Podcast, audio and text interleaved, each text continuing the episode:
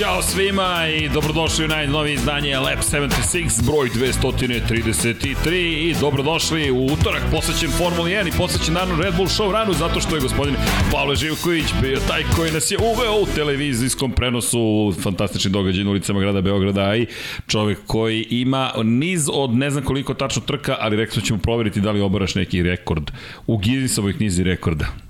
Proverit ćemo, šta ti Proverit ćemo. Jesi mi dobro, pa Mogući.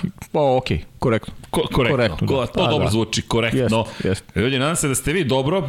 Danas je utorak i naravno bavimo se i pričamo o Formuli 1. Ima puno vesti. I novi kalendar, i Monaco, i šta se sve događa, i gde će Porsche, šta će Red Bull s motorima i tako dalje i tako bliže. Nigde Vries, šta radi, šta ne radi, da li prihvata ponude, ne prihvata ponude, ali ne zamerite što je nama glavna tema zapravo ono što se desilo pre tri dana, to je da smo imali privilegiju i čast i zadovoljstvo da ugostimo Formulu 1, dakle da budemo i kao ljudi koji žive u Beogradu, domaćini, ali i kao ekipa Lab 76, bukvalno sa zvanični deo organizacije na poziv Red Bulla Srbije, koji je organizovao dolazak Red Bull Racing tima i Red Bull show run u kojem su ne samo David Coulthard i ekipa bili, već i David Coulthard zajedno sa Patrickom Freisacherom vozili dva bolida Formule 1. Videli braću Drift, koja su činjenica na kraju s jednim BMW-om driftovala, videli Arasa Gibiežu na, na Kawasaki u Ninja 636 i tu je neko najveći utisak Naravno, kao što uvek volimo da kažemo, pre nego što krenemo s glavnim temama, samo da podsjetim, ljudi, budite dobri, mazite se i pazite se i zaista vodite i vozite računa jedni od drugima, drugima i ostvarujte svoje snove. Vanja, može fotka koju smo poslali, ako sam ti čekaj poslao, ja se nadam da jesam, podelio sa tobom fotografiju, čekaj da vidimo, ima jedna fotografija i to ova sa kačketom, ako mogu tako da se izrazim i hoćemo da podelimo s vama jednu stvar koja je nas dirnula i nekako osjećamo potrebu da je podelimo s vama pošto mislimo da je zaista suština onoga što mi zapravo svi radimo. Ako obratite pažnju, u pitanju je grob Ayrtona Sene, govorimo o Sao Paulo, govorimo zaista o Brazilu. Jedan od gledalaca je otišao tamo i ne samo što je odneo cveće na grob, već je poneo sa sobom što kačket zvanični Ayrtona Sene, već i knjigu Dejana Potkonjaka, rekao sam čoveku, reći ću vama, rasplakaćeš me bukvalno, nećemo da imenujemo čoveka, nismo dobili još zvaničnu dozvolu da ga imenujemo, ali verujem da će nam dati tu dozvolu, neverovatno, zaista, blago rečeno reći da smo počastvovani da nešto što je napisao naš prijatelj Dejan Potkonjak, svi zajedno kao Infinity Lighthouse objavili, nađe put do Brazila i nađe se na grobu Ayrtona Sene. Nemam reči, pa zaista. Ne znam šta bih rekao. Pa kad, mislim, pogotovo što sve što ima veze sa Senom meni onako budi baš veliku emociju, da. da. najveću moguću kada pričamo o Formuli 1 i, i, ovaj, i hvala čoveku, ajde da ga, rekao si da ga Da. ne imenujemo. Imenovat ćemo ukoliko nam dozvoli Ukoliko sledeći, dozvoli, nemojte da. ništa da brinete, ali gledaš datume, gledaš i kažeš da, to je to je to mesto, to je neka vrsta svetilišta, tako za nas koji smo malo stariji volimo Formulu 1 i ne zamerite možda na nežnosti, emotivnosti ili prosto to smo mi i ni svakako nas je ganulo i kada pričamo o tim stvarima, ono što stalno ponavljamo, eto, on je sebi, njegova rečenica na društvenim mrežama je bila dečak od 10 godina je obećao, čovek od 37 je ispunio. Ja se naježio bukvalno, dakle čovjek je sa 10 godina obećao ja ću tići na grob Ayrtona Sene i otišao i posle 27 godina sa našom knjigom ode s Dekijom zapravo i pošalje nam to i napisao još to, to, to ti je za sve ove godine svađanja preko TV ekrana neko, Da, da, da. neko nema svađanja ko- koliko god da možda nemamo ista razmišljanja ista emocija Pa Volimo dobro, Formulu 1. ne zvuči ni to loše svađanje, znači, da, Naravno. znači da ti je stalo, znaš. Tako, prepucavanje, prepucavanje. Pa da, okej okay, skroz, okej okay, skroz. Možemo ali da se posvađamo, nije, nije strašno. To je sasvim u redu i da, da, legitimno je skroz. pogrešimo i da Ma, budemo ili ne budemo u pravu, uvijek imamo iste vrednosti i to je trudimo se da ih gajimo, tako da za, za mene baš divan moment i podsjetnik ljudi, mi eto od ovog meseca sarađujemo sa UNICEF-om 9656 je telefonski broj na koji možete da pošaljete SMS poruka 200 ili 500 pa svakoga meseca će odvajati sa vašeg računa 200 ili 500 dinara stalno ponavljamo da isto ne morate apsolutno ništa da uradite, prosto to je neki naš, nije ni apel, naš poziv da neke stvari radimo na određeni način jer duboko verujemo u pozitivne stvari i širenje dobre energije, zato smo i toliko oduševljeni kad dobijemo ovakve poruke, a i zato smo i oduševljeni što je neko nas pozvao da budemo deo Red Bull show rana i hoćemo da vam ispričamo kako smo se provili, šta se sve to događalo za one koji nisu bili sa nama. Imamo i neke vaše fotografije i znate šta nam je palo na pamet? Evo za sledeći podcast, pošto će sledeći podcast, pazite sad ovo, biti u okviru izložbe koju pripremamo, evo, pre svega poziv, četvrtak 19.00, otvaramo izložbu Miloša Cvetkovića, legendarnog cveleta, i Andreja Isakovića u galeriji, sad se zove samo galerija, zvara se galerija Beograd, dole Bulevar Vudra Wilsona, ulaz broj 2, odmah pored ulaza broj 2, biće svečano otvaranje imamo fotografije iz 80-ih i iz prethodnih 5 godina i poređenje paralele kako je Deki koji zapravo osmislio izložbu to nazvao, kako je izgledala Formula 1 tada, kako izgleda danas i kako je svet izgledao tada i kako izgleda danas. Fotografije su neverovatne. Inače, bit će prodajnog humanitarnog karaktera i svaka fotografija ide uz sertifikat o autentičnosti, tako da dobijete i fotografiju i sertifikat i to ide u dobrotvorne svrhe, jer kao što smo rekli, želimo da radimo neke pozitivne stvari, pa je Deki u tome video način da pričamo o Formuli 1, da predstavimo Cvelete, da predstavimo Andreja, a istovremeno ako uspemo da prodamo fotografije nekome, samo jedan primjerak će biti štampan, da taj neko novac koji da, zapravo uputi u neke humanitarne svrhe. Tako da spajamo sve te neke lepe stvari i onda, pošto će podcast biti u okviru izložbenog prostora, nam je palo na pamet, pošaljite vaše fotografije, snimke, sve što imate na lab76 at infinitylighthouse.com, da u okviru podcasta prikažemo vaša autorska dela. Evo, Vanja, ako možemo i da krenemo sa time, čekaj da vidite, ovo su predivne fake fotografije, ako, su, ako je slideshow spreman, hvala. Dakle, ovo je mnogo lepo videti i ovo smo isto dobili na e-mail, dakle, pozdrav za, za Mladena Perića. Mladene, šta da kažem, dakle, hvala. I nisam stigao da se javim da odgovorim, ali hoćemo prosto da prikažemo, ej, pa, pazi, ovo je Beograd, onako gledaš neke ulice, neke, da, da kažeš, izloge, nazive zgrada, kompanija i kažeš, čekaj, Drift braća su bila tu, te, pazi ovu fotografiju. Mladene, obavezno na izložbu, da se družite malo sa Andrejem i sa celom ekipom, broj 37 i zaista je bolid iz 2011. Kinky Kyle i mogli ste to verujem i da čujete. Aras Gibiježa zajedno sa brat, braćom Drift kako se zovu Ni vreme čak nije pokvarilo spektakl. Ne, Ne, bukvalno nije pogledali svakim čast, zaista nije bilo uopšte lako, zahtevno je bilo voziti, ali nisu odustali, a ovo je malo iza kulisa, obećali smo, ovo je kad vas puste blizu, hvala Vanja, kad vas puste boli, blizu bolida Formula 1, ovo je na Kalemegdanu, inače to je dan snimanja, ima, jedna, ima jedan snimak koji se nadam da ćemo dobiti, za one koji ne znaju šta se dešavalo, Red Bull Show ranje je egzibicionog karaktera zapravo događaj, i bolid šampionski iz 2011. Sebastijana Fetela se koristi trenutno da posećuje različite gradove na planeti Zemlji, naravno još nismo otišli na neku drugu planetu da ima, pogotovo ne gradova, ali činjenica je da Red Bull to organizuje i u mogućnosti ste bili da vidite i da čujete zapravo nešto što je trkačka mašina koji dan danas izgleda moderno 11 godina kasnije. E, ali Pajo, kakav je tvoj utisak posle svega, zaista? Iskreno, da. iznad očekivanja. Stvarno? E, to je ono što sam, onako prvi utisak, jer za to iznad očekivanja se potrudili upravo, upravo ovi momci koji si apostrofirao na čelu sa najstarijim momkom, sa Davidom Coulthardom, koji Baš je momak. očigledno očigledno se ovaj prihvati uloge punog srca i e, nije ni malo ovaj, zabušavao žargonski, žargonski rečeno, već je dao sebe baš onako. E, imao sam priliku, pošto si e, ti vodio program, imao sam priliku da malo gledam te ljude koji su se nalazili u garaži i, i stvarno su preneli jednu divnu emociju.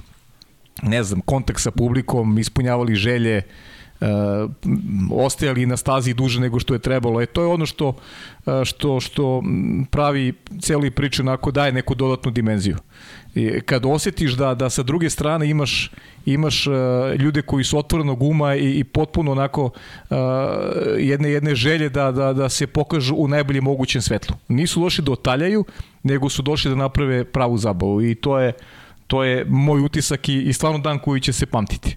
E, bilo bi mi jako žao da, da nisam prisustvovao tom spektaklu ili baš bio spektakl. U pravom smislu te reči. I eto, možemo da pričamo o ovome bukvalno uh, dva sata bez prestanka, jer jer kažem akteri su ti koji su koji su napravili događaj nezaboravnim.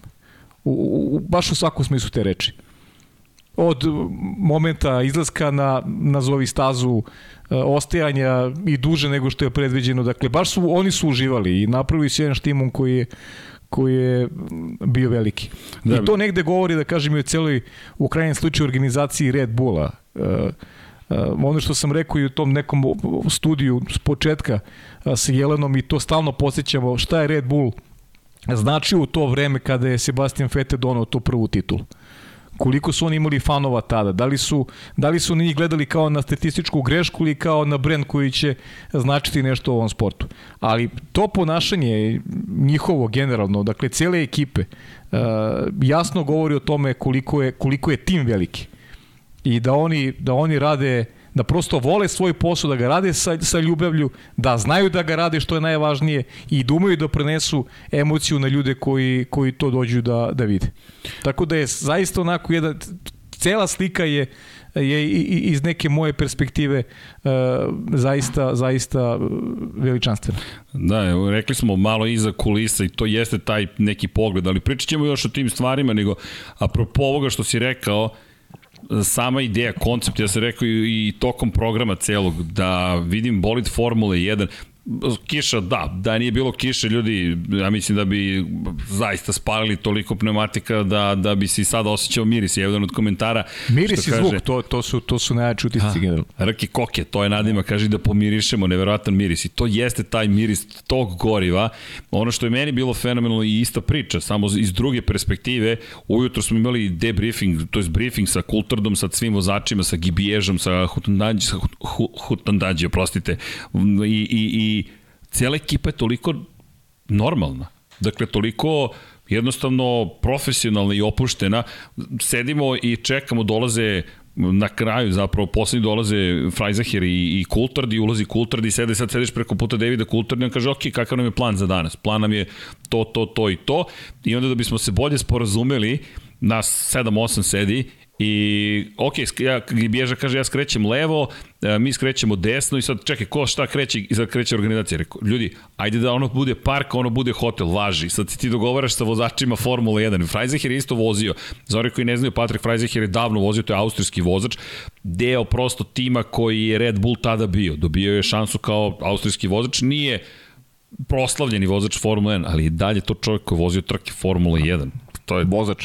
vozač, bukom trkač pravi i jedan baš pravi gospodin i ti sad gledaš njega i pričate o tome, dogovarate se gde će da se, gde mogu bolide uopšte da se vrte, pošto je bilo veoma nezgodno sa kišom, kada je kiša pala, zapravo glavni deo događaja gotovo da je, da je morao da nestane. Zašto? Zato što na tom delu je takvo zapravo kombinacija kocki i kombinacija klizavosti da, da nisu smeli da rizikuju. Međutim, ono što je bilo super, apropo pitanja pošto je publika na tribinama preko puta garaže bila na trgu Republike i u jednom momentu publika viče vrti ovako prstima. I ja pitam dobro šta hoćete? Da se vrti, da se vrti. I odlazimo do Pola koji zapravo komunicira s kulturnom, nisam znao u tom trenutku da imaju komunikaciju što je dosta logično. I ja pitam Pola, Pol, publika hoće da se vrti ovde. I Pol kaže, po, važi, probaćemo. Prolazi kultur, odlazi ka parku, vraća se unazad i vidiš, vrti bolid. I, dobi, i prilazi mi Pol, kaže, slušaj, ne možemo više, previše klizavo. Kultur mu je odmah javio, nema gripa, no grip, no grip. I nema prijanjanja i kaže, ok, tu više ne smemo to da ponovimo. I tako neke stvari gledaš i onda kultur kome je plan da se vrati, koji odla, ostaje još jedan krug. Pa da, ali, ali su i ponavljali, nijedan da, nisu ponavljali. Ponavljali, znaš. I... Bez obzira što je rečeno da nema prijanje, što, a nije ga bilo zaista, moglo da se vidi evidentno. I to ti kaže, to, to, to ti je najjač utisak.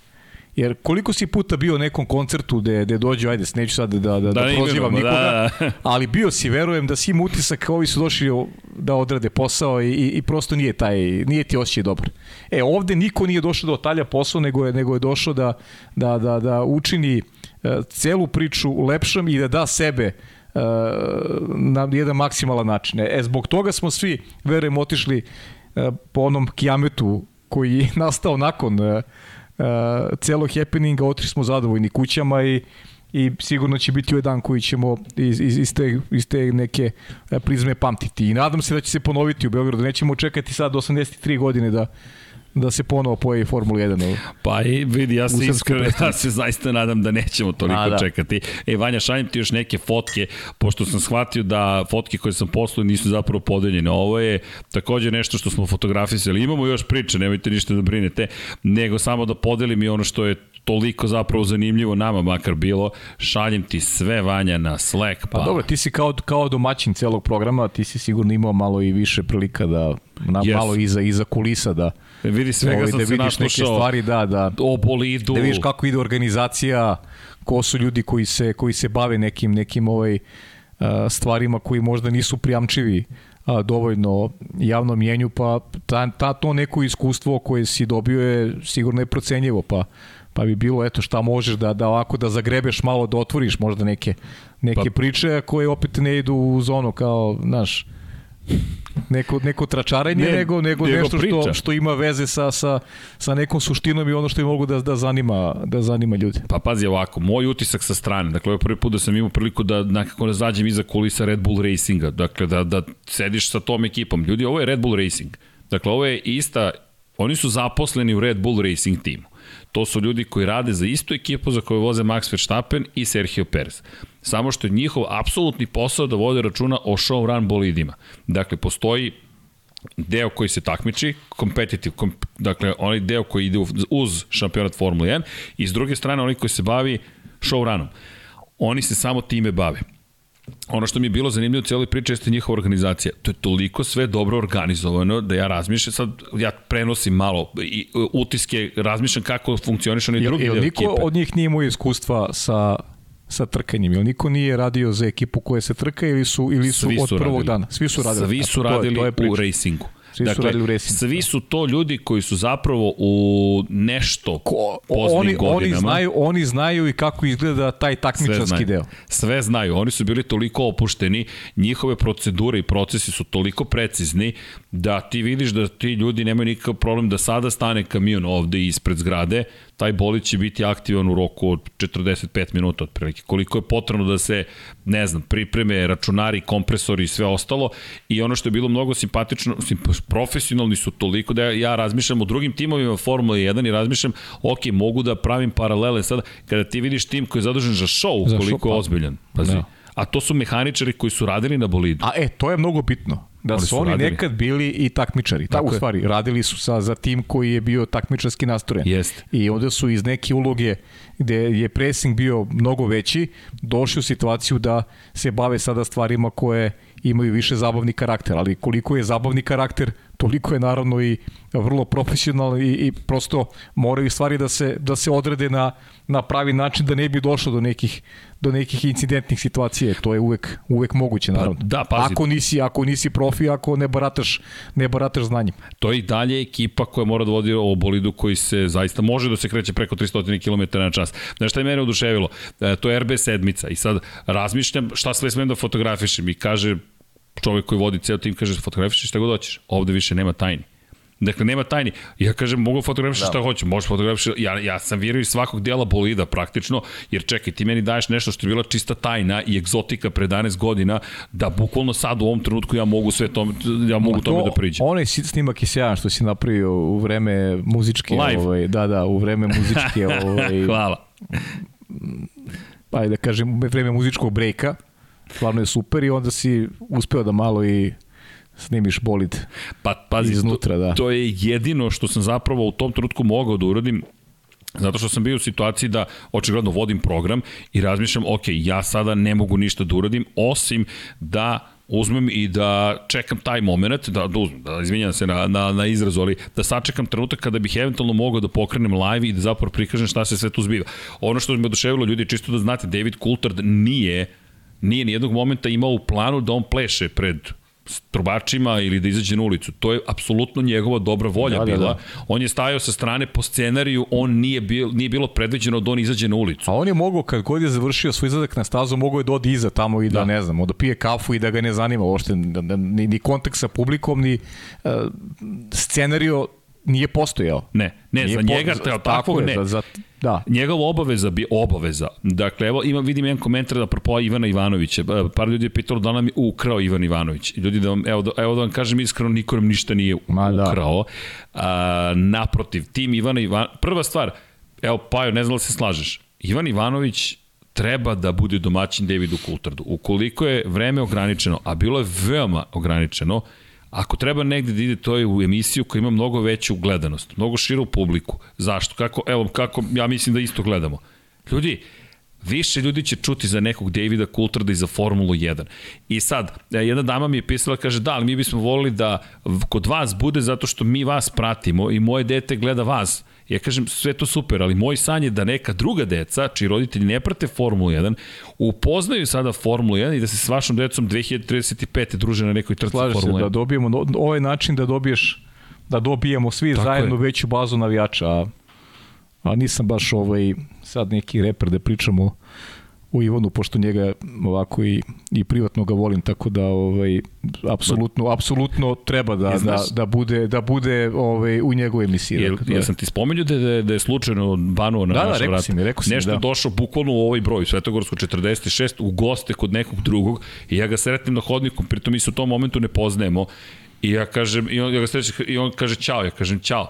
I on kaže, baš sam teo da vam se javim, nama dvojici, pošto tebe zna. Ja kažem, e, super, ja da se upoznamo. On kaže, ne, ja znam ko si ti rekao, ne, ne, ja znam ko si ti. I šta se još desilo? Njegova produkcija je zvala nas i pitala da, da prođemo kroz pitanje koje su oni svi zajedno pripremili za Kultarda i pa ja smo dodali par stvari u celu priču, da ne pričamo sad šta smo dodali, ali bilo mnogo simpatično i onda smo pita, ja sam pitao da možemo da dođemo, ti uvek si dobro došao, ali rekao možemo u režiju. I onda smo sedeli u režiji tokom trajanja emisije i bilo je mnogo dobro što Ivan, ako nešto se promeni u slušalicu, možeš da mu javiš, ej, pitaj ga ovo, pitaj ga ovo i spomeni ovo, ali Ivan je već bio spreman, bukvalno imao i tačno se videlo da, da, da za nekoga koji inače prilično dobar za upravljačem volana i koji vozi Formulu 3, da je ne više bio, nego bio spreman. Tako je bilo zabavno i naš stav je da ako je trebalo negdje da ide David Coulthard, ne, koliko god smo sanjali da bude ovde, jest. ljudi, bolje Biće, da ovde. ljudi, polako, bitno je neka, uvek treba gledati tu neku širu sliku i za, za neku popularnost mi ovde svi, svi smo na istom zadatku svi volimo Formulu 1 i promovišemo ono što volimo. A lepo je da to promoviše i neko drugi ko nema, ko nema ovaj prilike da, da priča o tome stalno i ko nema prilike da, da dovodi ljude iz, iz tog sveta. A mi onako, širimo se svi zajedno, volimo ovo i, i bit će prilike da, da ovde sede i neki drugi ljudi. Tako je, i, i čak i Deki rekao, ej Srki, iako ne dobijemo kulturda, doći će kulturda. Znaš, i pa to, da, je, to je stav, prosto, i neka pozitivna emocija, tako smo bili baš srećni. Evo, mogu da vam otkrim da, da, da smo se potrudili da kulturdu makar damo jednu knjigu iz naše bogate biblioteke, tako da eto, baš smo taj moment neke veze takođe uspostavili, ali normalan čovek koji, kažem, izašao je sam na ulicu da pleše, nikoga nije pitao, rekao, je, dobra je ova muzika, i otišao, uzu svoj telefon i otišao da pleše. Znaš kako? Cela konstatacija. E, koncept kad vidiš generalno to, to Red Bull, pa nije, nije David Coulthard tu slučajno. Ali onda smo, onda smo dobili potvrdu zbog čega, zbog čega je on tu u stvari. Znači nije samo kvalitet koji imao kao vozač, već on je definitivno harizmatična ličnost i neko ko, ko ume, ko ume i sa, i sa navijačima, ko, ko onako daje sebe u, u u situacijama kada kada je to neophodno i i stvarno svaka čast. Ja sam baš oduševljen i mnogo mi drago da sam da sam bio da sam bio deo jednog jednog takvog e, događaja. E Vanja, jesu uspele fotke da prođu? Žao, žao mi je svih vas koji niste imali priliku da da budete u Beogradu u subotu. A znam da je bilo ljudi iz Bosne i Hercegovine, iz Hrvatske, iz Makedonije. Pozdrav svima i onima sa kojima se nismo videli. Znam da je bilo neki koji su ove, kojima je bilo žao što nisu uspeli da stigne do studija, ali eto, bit će prilike da, da se neki put, ovaj, neki drugi put družimo i da provedemo ovaj više vremena zajedno. Da, ako Vanja možeš da pustiš i te fotke, poslaćemo vam još. Ovo bi je jedan od momenta. Pratik Frajzahir koji sedi na Kalemegdanu i na bolidu čeka zapravo početak izlaska na stazu i Frajzahir koji je toliko opušten, meni je bilo zaista fascinantno koliko on čovek zapravo uh, takođe je opušten u celoj toj priči i da, trebalo bi da se ne iznenađujemo. A pogledajte ovaj kadar. Dakle, za oni koji su na audio platformama prikazujemo RB7 kako stoji na sred Kalemegdana i zapravo, mogli smo da upalimo i onaj TV, sad sam shvatio, imamo goste, pozdrav za naše goste, ovde imamo jednog čoveka koji, ajmo, nije nagradno pitanje ili pitanje, zašto se neko, mlad, raduje što, zapravo, kako to da na, na evo, evo vam pitanje, kada je najduži raspust? Kada je najduži raspust? Dakle, to vam je pitanje.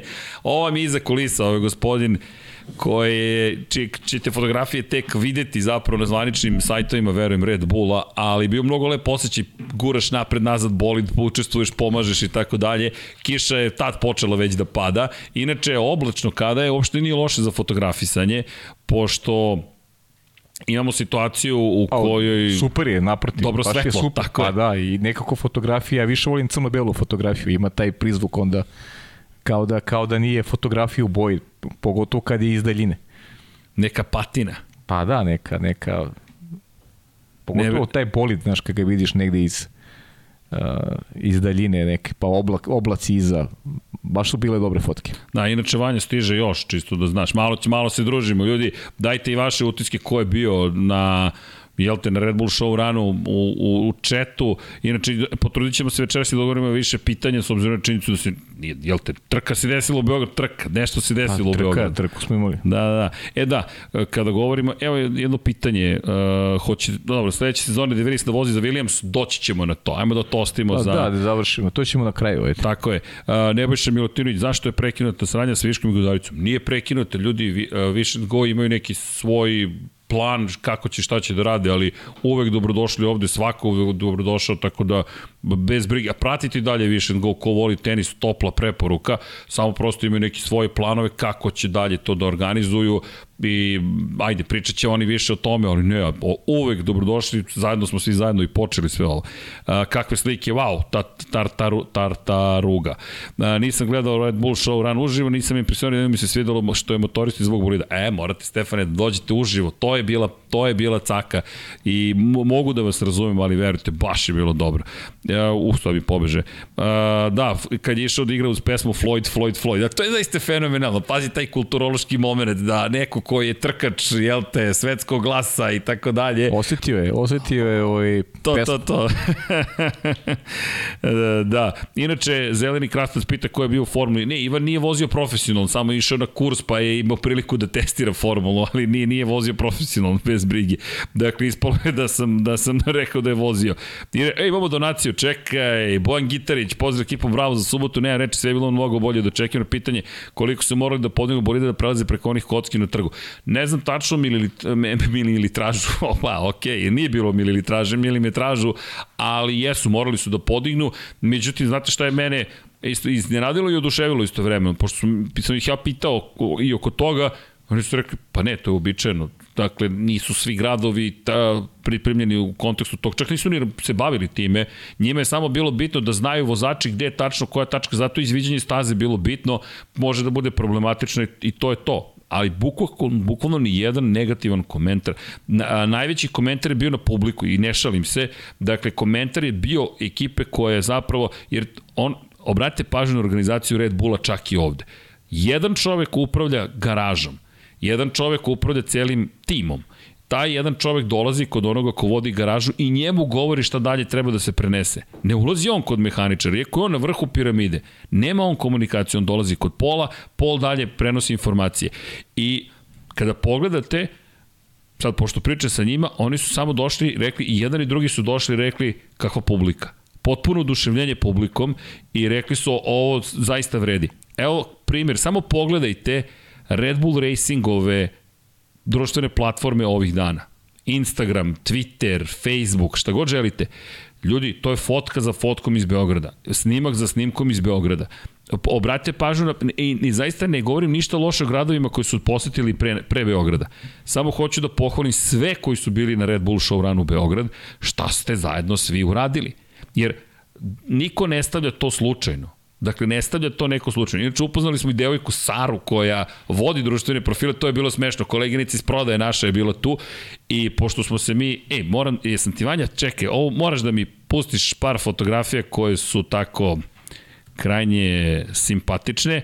Ova jedna, vidjet ćeš, špijunska, špijunsku fotografiju pusti, molim te, jer je mnogo dobra i sad ta mi je mnogo bitna zapravo fotografija za celu priču, za kako sam zaboravio ti to pošanje, ali zapravo pokazuje kako smo se mi ponašali. Inače, samo da te, mi smo se ponašali kao apsolutna deca.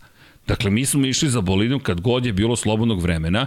Inače, imali smo obavezu da koordiniramo sa gradskim vlastima, sa režijom, režijom televizijskom, režijom događaja, Red Bull Racingom, Red Bullom Srbije i svima ostalima. E, ja mislim da ti stigla prva fotka. Nije još izašlo. Da, sad će. Sad će e, I to je, apropo ovog, ove priče vezano za, za njihovo zadovoljstvo navijačima. E, to je isto još jedan mnogo jak utisak e, moj. E, Znaš da obično tim nekim događajima koji uh, se dešavaju, ajde sad konkretno u Beogradu, da ne znam, košakaškim utakmicama, velikim futbolskim nije bitno, uvek imaš tih takozvanih pozera koji dolaze samo zbog događaja da bi bili viđeni, a ne zbog toga što Tako šta je, je događaj. Međutim, ovog puta je e, upravo publika koja, koja voli uh, Formulu 1 i došla je isključivo zbog Formule je dominirala. I to je ta energija koju su mogli dosti sa druge strane iz garaži Red Bulla. Neko ko, neko ko zna uh, ovaj sport, ko uživa u njemu i zbog toga je ceo taj happening, kaže, pričamo u svoje ime, a imao sam dosta vremena da, da onako analiziram jer nisam bio ovaj, previše uključen u, u nešto je proces proizvodnje.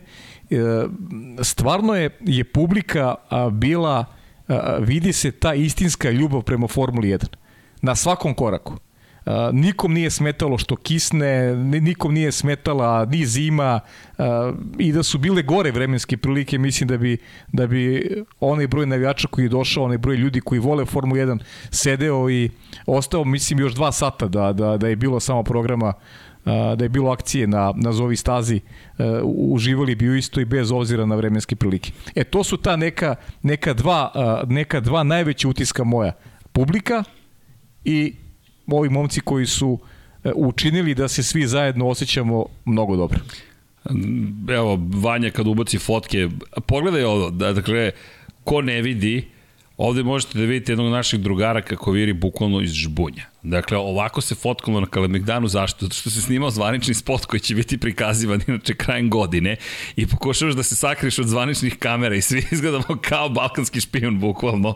Ali koja je to radost? Ljudi su dolazili sa svih strana, ne bili ušli u Kalemegdanski park. I si vidio ljude koji su gledali na, sa... Na zgradama? Na zgradama, Čekaj. pa ne samo nego tamo kod reklama što ne, su visili. Ne, ne, ja sam samo razmišljao, nisam, nisam slikao, bezbedni. Nisam slikao da ne bih reklamirao ovaj, e, situaciju. Nekog, nekog da ne bih reklamirao, jel te? Ovaj, ali, ali stvarno mi je bilo neverovatno kako ljudi stoje pored reklame. na prozorima, bukvalno. Bukvalno i, ljudi, i, i dva sata ne pomeraju se. Bukvalno. Pa šaljite nam fotke, sve što ste u ove kovečevi tog dana. Vanja, ubaci ovu poslednju, molim te. To je isto jedan od pokazatelja stvari. I onda ovo je pozdrav sa, sa, sa, sa, sa ovom devojkom Frajzahirov. Dakle, Evo, jednog momenta, dakle, čovjek je u Ferrarivom Duxu ušao u Red Bull Racing. Inače, mehaničan pita šta traži ovaj ovde, rekao, a, zalutao čovjek. Ali, nije šala. Slicem u okolnosti znam čoveka.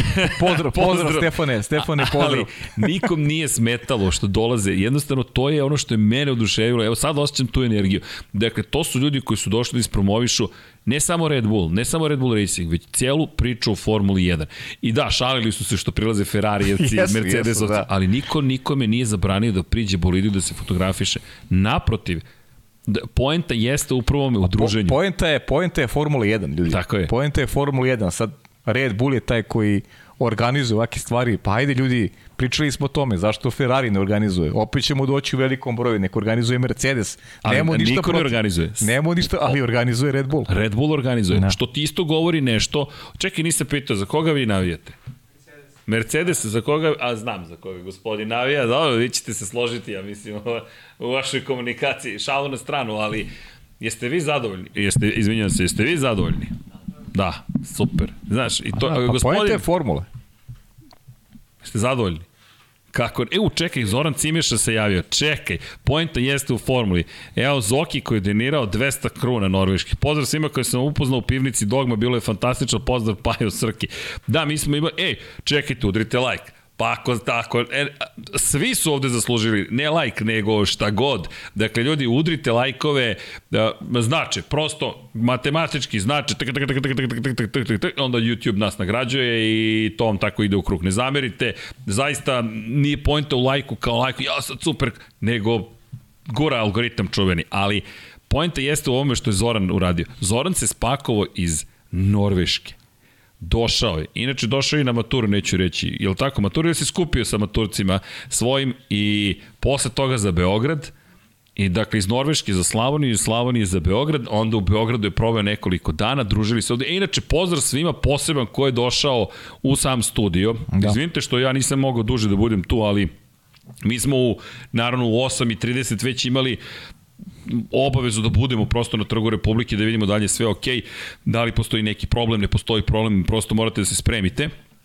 A postoji deo programa koji je bio organizovan u okviru priprema, ali pre svega smo imali briefing sa vozačima, jer ti, to je ono što je najvažnije I, ali pozdrav svima koji ste ovde došli i koliko sam shvatio, atmosfera ovde je bila super. Jeste. Bilo mnogo jest. ljudi, tako da hvala vam još jednom za dolazak. Mali, dakle, mali je bio studio. Da, baš je, kaže, kaže upoznali ste koleginicu iz prodaje, eto, to je najve. Moramo da je napravimo majicu koleginice iz prodaje. I to samo jedna majica, limited edition, sertifikovano, jedan primjerek samo postoji i nema šale.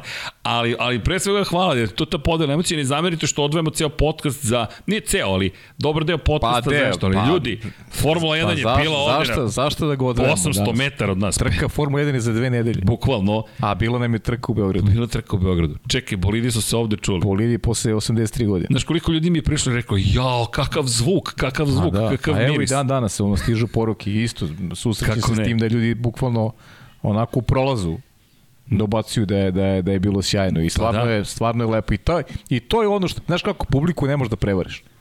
Pa, pa to, da. je, to je osnova neka, e, svakog nekog događaja, publika ne može da se prevari. I kad je publika zadovoljna, kad odeš zadovoljan sa neko događaje, onda si, on, to, je, to je onda nešto što pamtiš ceo život i, i, i, i pričaš o tome, pripričavaš, uh, želiš da se ti momenti ponove. E, ovo je bio takav događaj. Baš je bio tako Evo ga Perek, kaže, zgroženo me pogledao, neko bio sam u, u majci Mercedes AMG F1. Da, pa ljubav, da, ali, pa da. ali naravno uz osmih. Ali što se tiče ajde da kažemo tog odnosa nije sve je bilo baš pozitivno. Nema to ljudi, ste sjajno. Ali lepo si rekao, ovo je Formula 1. Ja, ja ne znam, ja sam oduševljen celom razmenom emocija i, i ko je sve prišao i rekao, čak i par ljudi reklo, čekaj, zaboravio sam kako zvuči Formula 1. Mislim se, ja, pa ne zvuči sad više ovako, ali okej, okay, ali bez obzira. Idite na trke Formula 1. Zaista treba da idete na trke Formula 1 makar je to moj utisak. I mnogo mi je drago, pošto si to gledao iz druge perspektive, pošto dok, dok sam bio na ulici, istovremeno dobijam instrukcije, to jest informacije od režije. I ja ne vidim sa ja, strane šta se zbio. Ja sam ti predstav. rekao, ono, sad ću, sad ću reći javno. Prvo, ti si uradio sjajan posao, baš sam bio ponosan, onako iskreno, wow. znači ne sad Ti znaš da bi ti ja kritikovao da je ovo... Znam, znam. Ali stvarno je bilo sjajno, super si to ovaj, nosio dva sata, nije lako uopšte ali si dao nekoj priči onako i sa nekim i podacima i sa energijom i ovaj, baš onako jedan šmek koji je, koji je bio dobar. A ja sam kao neko koji je bio sa strane mogao da, da analizi, analiziram i zbog toga ti kažem, znaš, kad ti pogledaš te ljude, da vidiš tu, kako zove, Sara, kad vidiš te ono, ona, ona, ona je non stop uh, u pokretu, nasmejana, dobro raspoložena, svi momci u garaži daju sebe, to je stvarno uh, jedna, jedna super energija je, je privukla publiku pored ljubavi koju imaju prema Formuli 1. Ta energija koju su videli ih je onako dodatno ovaj da kažem istimulisala da da budu i i onako i bučni, a bili su bučni s obzirom da su imali telefone u rukama i to potpuno kapiram. Uh, imaš jedan takav doživljaj i želiš da snimiš, da slikaš to više. I to je nešto što u današnje vreme ti je, ajde da kažem, neki prioritet kad voliš, a kažem, dominirala je publika koja to voli, nije došla da pozira, nego je došla da, da, da ispoštuje sebe, da ispoštuje ono što voli i onda je ta, ta cela energija je, je bila fenomenalna. Da, pa- znači, ljudi koji isto razmišljaju na, na jednom mestu. Eto, to je možda najbolji opis. Jeste, a, a znaš šta je tu meni bilo isto još poseban neki moment. Gledam, pada kiša i sad režiser celog programa, pozdrav za Miloša, i noć pre stojimo i sad stojimo go, do go, ljudi, mokri smo do gole kože, jednostavno ne možeš da se sakriš kakve kabanice, kakve bilo šta. Stojimo i sad lijek, baš lijek kao iz kabla, nije padalo tri meseca i razmišljamo, ok, to je sasvim normalno. I sad, me, me, i sad Miloš da, da, da, da me motiviše, kako, kako, zna, znamo se i kreće kao, sad ti treba da budeš kao, kao, kao princ na Superbolu. I ovako me gleda, Stvari, šta ja to tebi pričam? Ti, ti ćeš biti ovde sutra i ako pada sneg, ja kažem, Zoki, goću da stojim ovde. Miloše, zapravo, ako treba ovde ću god da stojim. Pa da li si svestan da propustim cijel život radimo, pa i ja sam u ovome cijel život, bukvalno, i sad sutra neko da kaže, e, znaš, loše vreme. A nema problema. Ali ti si sada mogao, nešto je još, pa, jed, još jedan mnogo važan ovaj moment u cijeloj priči. Da. Sada si mogao da vidiš kako izgleda kad neko komentariše trku 4 sata, komentariše kiš. Ti si sad radio, ja ti si radio 2 sata. Ti si radio 2 sata. Dakle, još ti treba, još ti treba da... još sam zelen. još ti treba malo, znaš, da dođeš do ta 4 sata. Ali čekaj, da li se važi što sam ja bio na kiši? Da li dobijem neki bonus? Dobit ćeš bonus, evo, od mene imaš bonus. Ne znam samo šta kaže publika, da li ti oni daju, kažete, da li ti oni da, daju da, bonus. Da, koliko vredi 2 sata na kiši i 4 sata samostalnog komentarisanja kiši. Ali meni je s druge strane bilo lakše. Ja sam imao čime da se zabavim. Dakle, bilo je bolidan na ispred mene. Pa imao sam ja da pa, Pazi, brže su vozili nego u Belgiji tek u prošle godine. Brže. brže, su vozili. I više krugova je bilo ovde.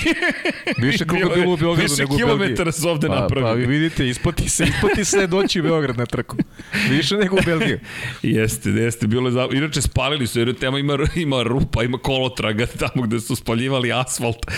I razmišljam, neka ostavite, te bar rupe će nam biti dragi kad pređeš preko tap tap kultur je bio ovde. Dobro je da su kocki, da su kocki to je najvažnije. jesu, jesu. O, fotokredit Smiljan Banjac. Pa pogledaj ti, o, ovo je toliko lepo, koliko ljudi je došlo i, i tu je. I ono što je meni bilo super isto kada vidiš podignute ruke ljudi fotkaju, fotkaju. Ja, ja jurim, a ajmo aplauz. Ma kakav aplauz ljudi da ispusti nas da, da fotkamo. Ma potpuno realno, potpuno realno. I dobro si na, mislim, na, na vreme si i ti reagovao. Ne, da, da. Znaš, mislim, ne možeš... Shvatio sam. Stvarno razumem. Znaš, gledam ljude oko sebe, svi su s telefonima, zato što prosto im je to važno. Važno im je da imaju tu vrstu uspomene. Jeste, kako nije, ne znam, meni, ali kažem, deli mi te neke uspomene, na primjer Sara, koja, koja ovako ide u poznavanje sa devojkom koja vodi cijel profil Red Bull Racinga, mi nemamo pojma. Ona prilazi i koleginici iz prodaje, pita zašto ne, nosi, ne nosiš antifone, a mi na Kalemegdanu tokom snimanja. I kaže koleginici iz prodaje da nosim antifone, a Formula N je sada u, u Beogradu na Kalemegdanu, nema šanse, jer ta man eksplodiralo bubne, opne I Saraka kaže, pa okej, okay, da, razumem. I mi sad idemo i ništa, kupujemo kafu, cijela ekipa stoji mrzne i sad isticamo okolnosti ima tu jedna kafeđinica, da je tako nazovem, da ne reklamiramo nikoga. I odo smo mi po kafi, vraćamo se sa 15 kafa i jedan od njih je sličan meni, samo pije kafe, čovjek i kako, kreće da se klanje, kaže hvala na ovome, hvala na ovome, i mi uspod pričamo sad samo, pa dobro, čime se ti baviš? Pošto ona devojka zaista potpuno nemetljiva u cijeloj priči, pa ja rekao, ili ideš, pratiš show run? Kaže, pa da, da, pa kao, kad mogu, da, ali sam obično sa trkačkim timom na trkama. Pa, pa čime se baviš? A, ja vodim društvene mreže za Red Bull Racing. rekao da, ok, rekao, da. nećemo mnogo da ti se ulagujemo, samo malo, ako možeš da nas zapratiš i neki retweet ili repost. I onda se smeje, pazi, to je 9, 8, 9 miliona ljudi na Instagramu koji ima, koji na klik njenog telefona i sad se uzmeš kao da može jedan selfie. Šalim se, naravno, ali bilo je zabavno, toliko su profesionalni. I ona žena s nama isto u žbunji tamo po, po ciči kiši, nema šta, radi se, snima se. I mi nju pitamo kako ti, kaže, fenomenalno Kaže, mnogo sam se lepo provjela, publika i sjena. Čak su pretrčavali preko staze. Jesu, da, da, na tribinu. Na da. tribinu da se slikaju sa klincem koji stoji u Red Bull jest, Racing jest, opremi. Jest. I ti gledaš kako ona zajedno sa šefom, inače celog tima, ne garaže, šef tima i ona, dakle, to su da, ljudi... Da, preskaču ogradu i... i bez da ikakve da. pretencioznosti. Da, video sam to. Fantazija. Jest. Fantazija. Jest. Ali, da, evo, pre, predlog McLaren fans Srbije da na Novom Beogradu se organizuje. Vidi, gde god, kako god, ali slažem se da je na Novom Beogradu bilo, bila bi brzina. A s druge strane, nemaš ove fotografije. Sve ima svoje, tako da, šta da radimo. Ali da, inače, evo, kaže, volio bih da vidim vas dvojicu na, da uživo sa trke Formula 1. Radimo na tome. Evo, zaista radimo. Nemojte uopšte da mislite da ne radimo, nisam rekao da to pomislite, pa ali pa, verujte. Hajde, ja ću da. malo da, da, da budem ovaj, da približim malo priču. Ranije godina smo takođe radili, ali ovaj, nismo dovoljno očigledno radili, a sad radimo na tom. Eto. Da, radili smo i tada, sad međutim su se... Neka bude da nismo dovoljno tada radili, a, A, ajde. a Ajde. sada radimo na tom. E, ali Milja kaže, čim Paja vodi emisiju na sport klubu o formule, mora da pada kiša. Pa jeste. Fakat se vidi. Ja, sam otvorio, Imaš da. dosta veliku uspešnost, a ja ponovo nisam bio na TV-u. Pazi, da nije bilo Jelene, ovaj, Jelena me spasila.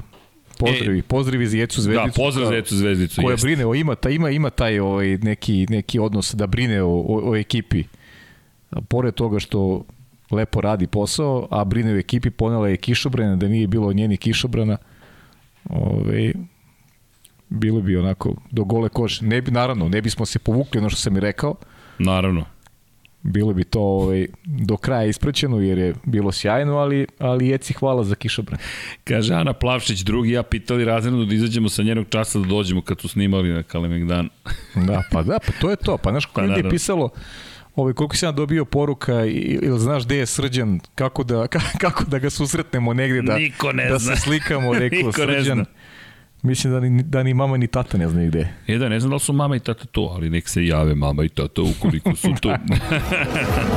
Opa, imamo i snimke. O, Vanja je vredan u pozadini. Evo kako izgledalo za oni koji nisu bili sa nama. Snimke, fotografije šaljite lab76 at infinitylighthouse.com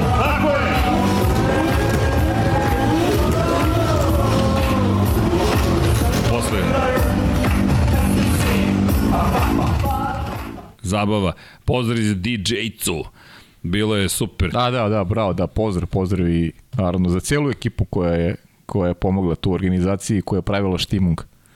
Bilo Da. je zaista sjajno. Inače, Saša Talpeš pita da li ove nedelje najavljamo trku ili sledeće. Sledeće, ove nedelje je bit, Sledeće ćemo bila da na programu Velika nagrada Rusije, ali nema je.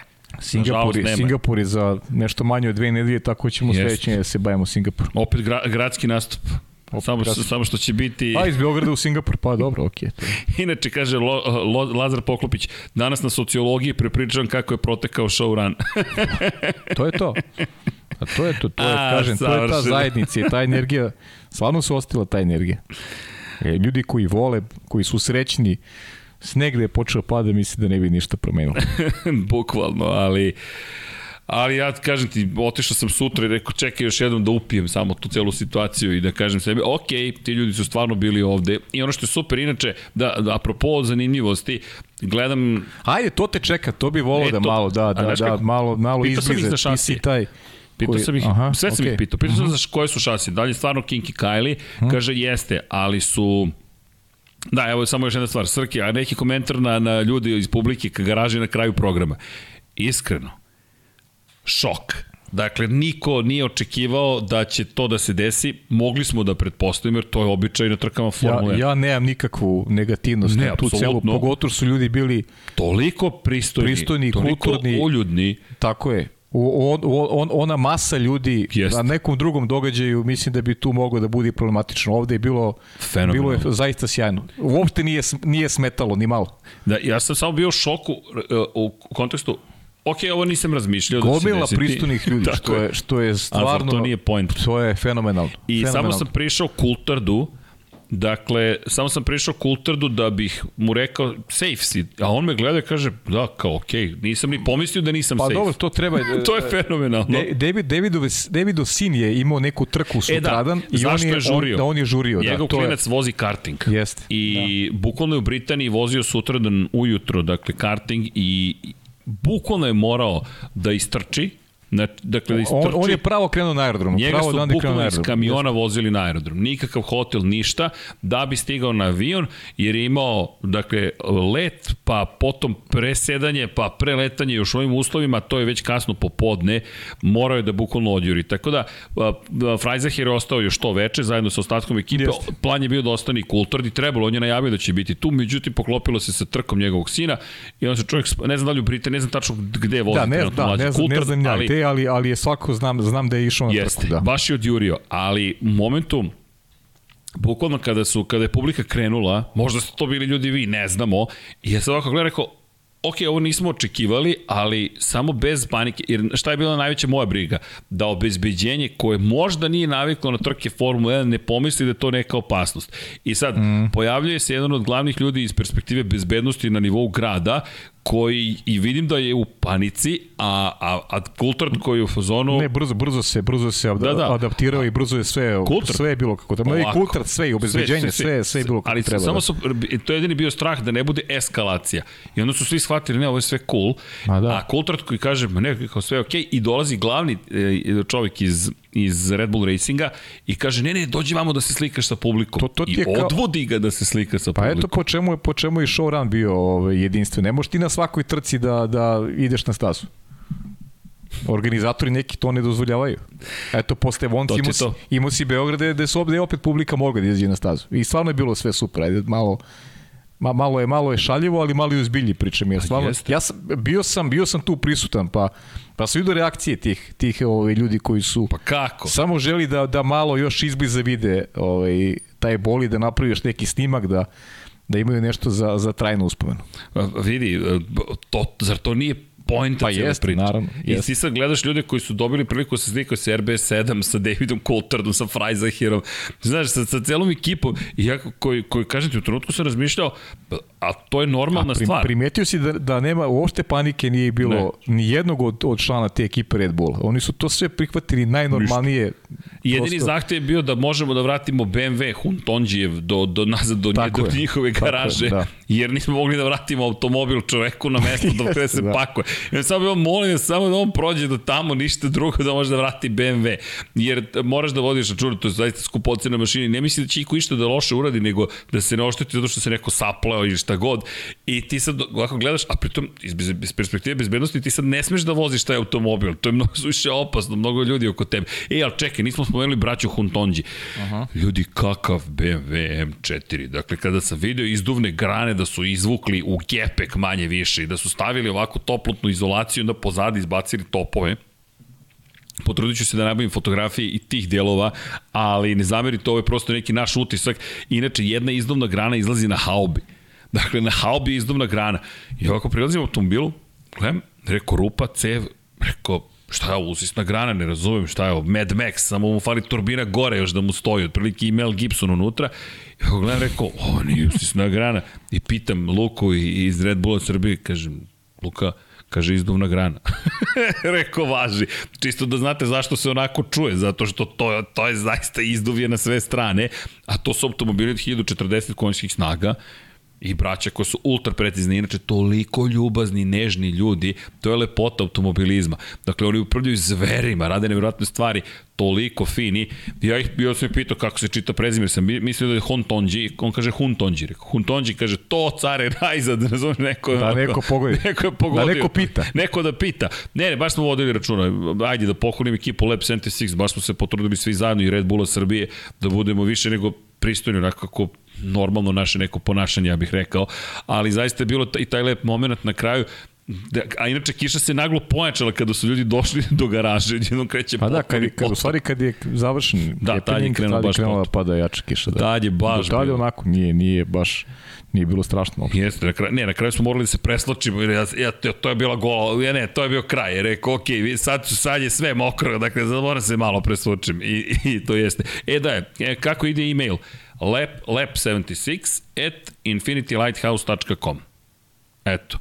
I imam sliku oštećenog BMW ako hoćete da vam pošaljem. Da, ja nisam znao da je oštećen u tom trenutku. Meni je rečeno da iz bezbednosti, rečeno, pretpostavio sam da iz bezbednostnih razloga i pitam je li da iz bezbednosti, da, ali nije, menjač se raspao zapravo, to sam kasnije saznao. Tako da ko ima fotografije, malo su preterali u pripremi, imali su nekoliko treninga, ali samo šaljite e-mail, dakle lap76 at infinitylighthouse.com pa ćemo se potruditi da, da i da nekako, jel te, organizujemo sve te stvari. Poslao fotke na Twitter, Ninoslav Stečko, ok, potrudit ćemo se sve to da, da nekako skupimo. Da, Boris Trutin kaže, kad smo već kod kartinga i Robin je imao prvu trku. Da, Robin, da. Robin Raikkonen je yes. vozio prvu, pa ajde, krenula je možda neka nova karijera, ko zna.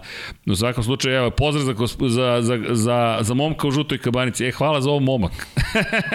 momak, šta hoćeš? da kažeš, hvala što si tražio da se vrte tu legende, hvala. Ne, ali to moram da vam priznam da je bila baš lepota celog posla. Neko mi pitao si imao tremu. Ljudi, sutra sam imao tremu, ali bukvalno nekako sam bio u fazonu, ajmo da to bude sutra trema, da me sutra uhvati panika, frka i tako dalje. Sutra sam bio preumoran, inače nedelja je baš bila zahtevna, a je to je neka druga priča. Sutra pričamo o MotoGP-u, ko hoće da se pridruži drama u Moto Grand Prix, pet trka do kraja, potpuni haos, ali sutra deki dolazi pa ćemo da pričamo, ali apropo da, tog zahteva, nekako ono što je meni bilo super i to bih se isto zahvalio Red Bull Racingu.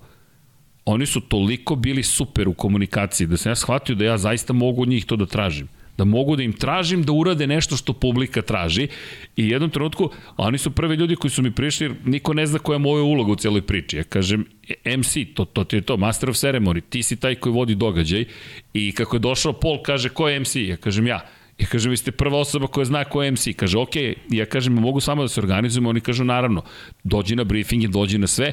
I ja skontam, rekao, čekaj, ovi ljudi će zapravo da, da čuju uopšte šta imam da kažem, da, da, da možda i urade nešto, jer je obično nekako utisak, pa čekaj, to se ti se neko mešaš u posao. Ne, njihov posao je da zajedno sa mnom stvore još pa da, veću to, zabavu. To je ta konekcija koja je neophodna. Kad osjetiš energiju dobro s druge strane, onda ti je lakše i da da upitaš za nešto što ti treba. Da, nije uslov Konkretno da, da, da taj apel, apel publike preneseš pa bez da. problema. Pa da, da, znaš, ja nisam video ostatak publike i izvinjavam se, ja nisam čuo ostatak publike jer meni je stradao in-ear, dakle in-ear, jel te, mali zvučnik koji ide u uvo, od vode i od svega, ja sam u jednom trutku ostao bez komunikacije. Ja sam na slepo zapravo sve radio i gledam desno ekran i slušam publiku i sad nemam in-ear, nemam više ni režiju, nemam nikoga, niko, ne znam, nemam pojma koji su kadrovi, ništa ne znam. Rekao, ok, letimo na slepo i šta bude biće i ne čujem publiku, tako da se izvinjam onima kojima sam stalno govorio ne čujete se dovoljno i zato što prosto sam ostao bez bilo kakve komunikacije i vidim ovu publiku preko puta, rekao ajde oslanjam se na vas jer je to jedina interakcija koju imamo, a i to je publika koju vide ljudi iz garaže. I onda je super što je ta publika ovo tako reagovala, posle su mi rekli da su svi ostali reagovali isto, samo nismo znali. I u tom momentu kada komuniciraju razmišljam, ok, i ovako mi mašu ljudi i kaže ajde da se vrte. I sad taj, taj moment, e, tu morate priznati da sam bio toliko srećan, rekao ok ljudi ovo je, ovo je show, to, to se zato i zove show run, daj da napravimo show i spektakl, dakle to, to momentu stvarno sve je bilo super, a za orkestru nisam imao pojma da će kultur da onako da reaguje, još kad sam krenuo da se vrtim s telefonu, rekao od mesta Dobri do mesta, su bili, Pozdrav, bili su super, pozdrav za njih, stvarno bili su bili dobri, su super, zaista.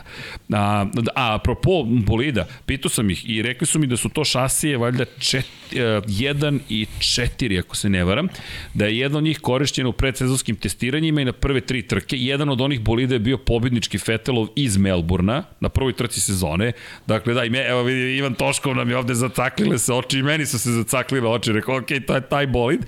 I u tom trenutku mi mi pričaju istorijet tog bolida i pitam, dobro, a Weberov ili neki Weberov, kaže, u jednom trenutku su zapravo vozili i jedan i drugi i jedan i drugi bolid. Tako da znate da su i jedan i drugi koristili ove šasije.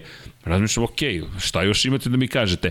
A inače, pošto se sve pokreće, nema unlasera ili ti, jel te, starter motora, nego se bukvalno ubaci osovina koja je na kompresoru da bi pokrenula za mu menjaču bacujete i onda se prenosi zapravo na, na kolenasto vratilo obrtni moment, to je pokrećete, bukvalno ga i okrećete, rekao i vi piše RB8, rekao čekaj, ok, isti je motor, on kaže još važnije od svega, e, drugi je menjač, ali ti je zapravo isti sistem bio, mogli smo, možemo koristiti istu osovinu za paljenje. Jer piše RB8, jer rekao, sad ja gledam sve detalje, rekao, čekaj ovo RB8, a inače, Freizacherov bolid koji je koristio Freizacher se uopšte ne koristi. To je zapravo, jer sam ih pitao, proizvodite rezervne delove, kaže, ne, ali imamo zato spare car. I bukvalno to je automobil koji je zapravo kori, koji se koristi da bi uzimao delove za glavni bolid. I kaže, vrlo redko imamo oba bolida na, na ulicama. I je rekao, ok, hvala. Hvala, šta drugo da im kažem. Prosto ne, neverovatno. A inače, apropo Branislave komentara za, za Maxov od prošle godine, nisam siguran kako će show run da se organizuje sa hibridima, jer hibridi su suviše tihi vi tu energiju koju mi dobijamo, koja se pretvara u zvuk, zapravo sada pretvaramo kroz MGUH u energiju kojom generišemo električnu energiju. Tako da sve ovo što čujete zapravo pot, bačene energije iz perspektive efikasnosti nema mnogo smisla, iz perspektive emocije ima i tekako smisla. Tako da je zaista hajde da kažemo ovo, neko se žali, pa to je stari bolid. Kažem, ljudi, nema više te ere, ne možete da novi bolid da dobijete isti show. Dobit ćete pritom bolid koji je 5,5 metara dugačak, koji jedva može da skrene kroz ove ulice. S druge strane, da, spalit će gume, osušit će ceo asfalt, ali ništa nećete čuti, jer je toliko efikasan. Tako da je ovo bilo, ljudi, zaista fenomenalno i evo čak su i meni bili, to, to su iz Red Bulla bili dobri. Znao sam za drugi bolid i onda su mi rekli ajmo da u ponoć saopštimo šta ćemo. Onda se promenila odluka, ajde ne saopštimo, neka to ostane za sve one koji su došli. Rekao, ok, a ja najavio iznenađenje, neko ljudi mi rekao, čoče nisam spavao, čekam saopštenje šta je iznenađenje u ponoć. Rekao, izvinite ljudi, ali malo smo neke stvari u hodu radili i onda taj treći, četvrti izlazak. Lepo koleginica s prodaje ti govori da ne, ne treba da najavljuješ taj iznenađenje. da, evo neko me pita koje iznenađenje sa knjigom i za Dekija i za knjigu za kraj septembra. Možda bude i ranije. Pratite Lab 76, svašta mi nešto radimo, ali da, evo, ima dosta poruka da, smo, da, da su poslate fotografije. Još, još Ferrari iz 2004. i to je to. Iha, da. Ali eto vam priča, da, evo ga, oštećeni BMW, šteta. Šteta. Kad budemo pa. privodili kraju priču o show ranu, da. imam jednu poruku koju ću da pročitam. Ako baš je lep poruk. Lep. Pa možemo polako i da, da privodimo. Pa ne, ne, ne moramo. Ajde, Kako god želite. Da. Dakle, I ne moramo da privodimo kako god želite, meni se, e, ja mogu ome da pričam mnogo, to je sad va, i vaša želja. Nije da ima nekih milion vesti, ima vesti, ali ništa što će sad odjednom da, da, da, da, da, da, da kažem, da da promeni svet Formule 1, ne postoji tako. Pa dobro, ništa, ništa se Ima... epohalno nije, nije dogodilo. Da, e inače da, još jedna stvar, a, a to je šta, nismo, šta smo zaboravili da uradimo, a to je zapravo, postoji jedna bitna stvar, to je Zoran Cimeša lepo uradio pozdrav za njega, Zašto? Pozdrav za sve ljude koji su došli u, u Beogradu, dakle, god da ste došli. Uh, nadam se da ste se osetili dobro, da ste osetili delić te gostopri, gostoprinstva koje smo pokušali da prenesemo. Nadam se ko je došao do Infinity Lighthouse da mu je bilo lepo. Žao mi, zaista, nam, zaista neko je pisao da, da, da, ste, da ste isvraćali posle rana. Nije nas bilo dovoljno ljudi u tom trenutku. Dakle, ja sam da, bio ja sam dobio neke slike. Potpuno mokar. Ljudi hteli, hteli su staviti do znanja da su našli. E, e da, to je ali, lepo. E, da, da ja vam se dopada tabla. Udrite like za novu tablu. Najzad može da se nađe gde smo. Ali Nije nas bilo dovoljno. Ja sam bio potpuno mokar. Dakle, ja sam morao da da se presvučem. Jednostavno, nije bilo šanse. Mi smo kasnije stigli, tek posle nekih sat smo stigli nazad do, do Infinity Lighthouse-a ekipa, nije nas malo, nas je toliko koliko nas je, nit malo, nit mnogo, to, koliko nas ima, toliko nas ima, ali nismo mogli sve da postignemo. I iz te perspektive mi žao što nismo mogli ranije da stignemo nazad do studija, ali hoću da vam kažem da, da da, da, da se nadam da ste se lepo osjećali. I mnogo je lepo osjećaj čuti koliko ljudi došlo u Beograd i ja. videti sve te pozdrave sa različitih gradova iz različitih mesta. Fenomenalno. Meni dirljivo. Evo ja ću pričati sad poruku upravo koju sam teo da, da, ovaj, da od Domagoja Kovača Rajkova. E, kaže ovako. Pozdrav ekipa, originalu ću da pročitam. Ja i Cura smo došli da sudjelujemo u ovom veličanstvenom događaju i to zahvaljujući Lab 76. Naime, došli smo još utorak da ne zakasnimo i žao mi što smo propustili druženje sama pre početka. Juče smo 16.9. išli da obiđemo Beograd na vodi i izgubili smo u galerija centru ključ od auta. Te smo sinoć išli do apartmana taksim jer ključ nije nađen. Tako da smo proveli dan u pronalasku ključa. Hvala Bogu ključ je nađen i to je razlog za propuštanje druženja s vama. Zahvalio bih svima koji su nam pružili pomoć od osoblja centra do taksiste koji nas jutro svozio nazad u potrgu za ključan koji nam je sve organizovao i savjetovao šta da radimo ako ga ne nađemo. Sve je uglavnom prošlo odlično. I od 15.9. imam zaručnicu, ne više curu, koja je rekla da, baš u sklopu naše beogradske aventure i Red Bull show rana. Hvala na svemu i samo tako dalje, veliki pozdrav. Eto. Ljudi, Ajmo. Eto. Ajmo, bravo. Jedno, jedna prelepa priča.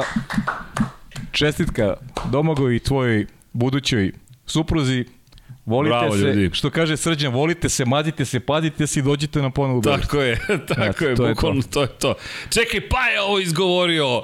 I, ako sada svi koji ste u live ne udarite like, ja zaista nemam Eto, komentar. eto. Ljudi, Zar, evo, nije, zar nije povod najbolji mogući? Boris prošli put jeste. I predivan je. Povdje mnogo nam je drago da, da je na kraju sve ispalo kako treba i da ćete pamtiti eto, i, i dolazak i evo ovu avanturu. Pa, pazite ovo, David Coulthard vozi tamo gde mi trolom. Dakle, Pa- inače, ugasili smo trole, da znaš, Trole, za taj dan. Pa, naravno. Zna se red. Ali fantastična fotografija. Izvinjam se što nismo potpisali fotografije ili ih ubacujemo, potpisat ćemo, I ali... sad vidiš zašto ljudi vole, znaš, dolaze zvuk, ne, ne vole zvuk trole. kako bolje, kako bolje zvuči kad prolazi formula tim delom grada, a ne trole. Sjajan prolaz. Ali pogledajte ovu zabavu. Ne, meni je njegova kaciga. Ljudi, ima par stvari tu na ličnom nivou. David Coulthard je ovo je kaciga koja je zamenila žuto-zelenu kacigu. Dakle, to je čovek koji je 1994. godine seo u bolid Ayrtona Sene. I on je rekao, i to je kod Ivana pričao, menjaš Ayrtona Senu. Ma ne, nisam ja menjao Ayrtona Senu. Niko ne može da zameni Ayrtona Senu. On je nezamenjiv. Ali ova Coulthardova kaciga, toliko prepoznatljiva, je, me, kad sam ušao u kamion Red Bull Racinga i idem na briefing, ovako ulazim i tu je samo par ljudi, još nije stigao Coulthard i stoji njegova kaciga. Nije mi došlo da plačem od emocije, sa, ja zanemeo.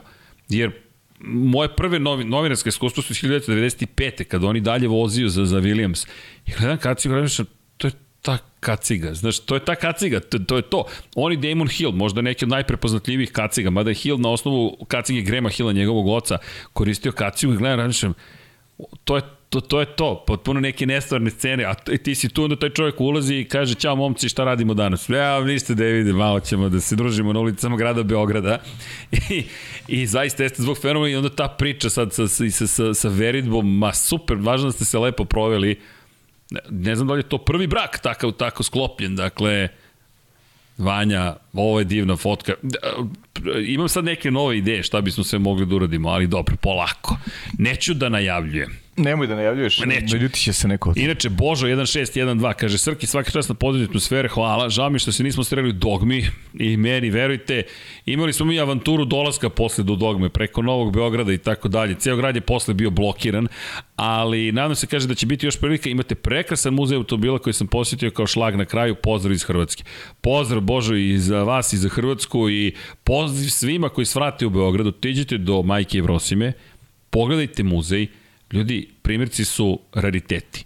Mi govorimo, nažalost, Bata više nije živ, čovek čije je to de facto kolekcija, ali to je jedan prelep muzej koji zaslužuje jednu posebnu priču. Inače, dosta emocije tokom ovog vikenda, kada gledamo ove škotske zastave, čisto nešto što nismo spomenuli, a, a nekako sam hteo u tom trenutku. 15. september 2007. se desio pre 15 godina i nekoliko dana. To je dan kada smo izgubili Kolina Mekrea jednog od najvećih vozača relija svih vremena, takođe škotlanđanina. I to se negde shvatio dva dana i razmišljam da li sada to da spomenu, rekao, ok, treba negde da se spomene, mislim da smo čak sa, sa, sa ekipom Ivana Ivanovića pričali u tom trenutku i da, da smo rekli, čekaj, ajde ne, ne idemo na tu temu, ali mislim da nije tema njegova pogibe, već kakav trak su ostavili svi ti ljudi i pogledaš Colin McRae, kad pogledaš škotska zastava na, na Subaru Impreci, šta god da je on vozio, vozio je mnogo toga, ali Subaru Impreza sa zlatnim točkovima, e, ekipa koja mu maše da uspori da bi Carlos Sainz osvojio treću titulu, on kaže, ma u, redu je, tamo neka 95, ako se dobro seća, sve su to te godine, i onda vidiš, onda vidiš kako, onda kao, neki šlag na tortu, vidiš tu kulturnu kacigu, ma fantazije, tako da samo možemo da skupljamo, skupljamo stvari, ali ko zna šta nas još čeka, ljudi, zaista ko zna. Pozdrav iz Crne Gore, pozdrav za Crnu Goru, do 2025. i Vegas sledeće godine, da, imamo i od 24 trke sledeće godine. Inače, Da, kaže, kalendar ima, pričat ćemo o kalendaru posle. Piše, pita, evo mogu da vam otkrim jednu stvar. Dakle, pošto E, Almir Vuk pita, jel postoji mogućnost da se svrati do studija nekada kada je podcast uživo? Postoji, javite se Infinity Lighthouse na Instagramu ili Lab 70 ili The Lab 76, pošto i tu pokušamo sad da smislimo šta ćemo, kako ćemo da nastupamo, imamo razne ideje, vidjet ćemo, ali javite se na društvenim mrežama, na Instagramu, molim vas, I iz te perspektive koleginica zna da li je gužva, nije gužva, danas nije gužva, makar ne prevelike, vam okej, okay. on treba voda, nešto, Dobro. Evo neko pita kako mi nije pukao glas. Nemam pojma ljudi, imam sreće po tom pitanju za sada, držite palče da tako i ostane. Pije, mi pije mnogo čajeva. Ja ću da e, e da te pitam, imaš dve šolje, pa me zanima šta konzumiraš trenutno. E, kamilici i nana. Ne, samo da znaš, Boris Trutin ima ozbiljnu zamirku na vodič kroz Beograd. Ti preporučuješ kafeterije, a ja preporučujem pivnice. Boris, zato što sam sad u tom fazonu. Kad se bude promenilo nešto, ja ću da ti javim ovaj Neću se libiti ovih daljih preporuka. Nadam se da će to biti već u sledeće nedelje.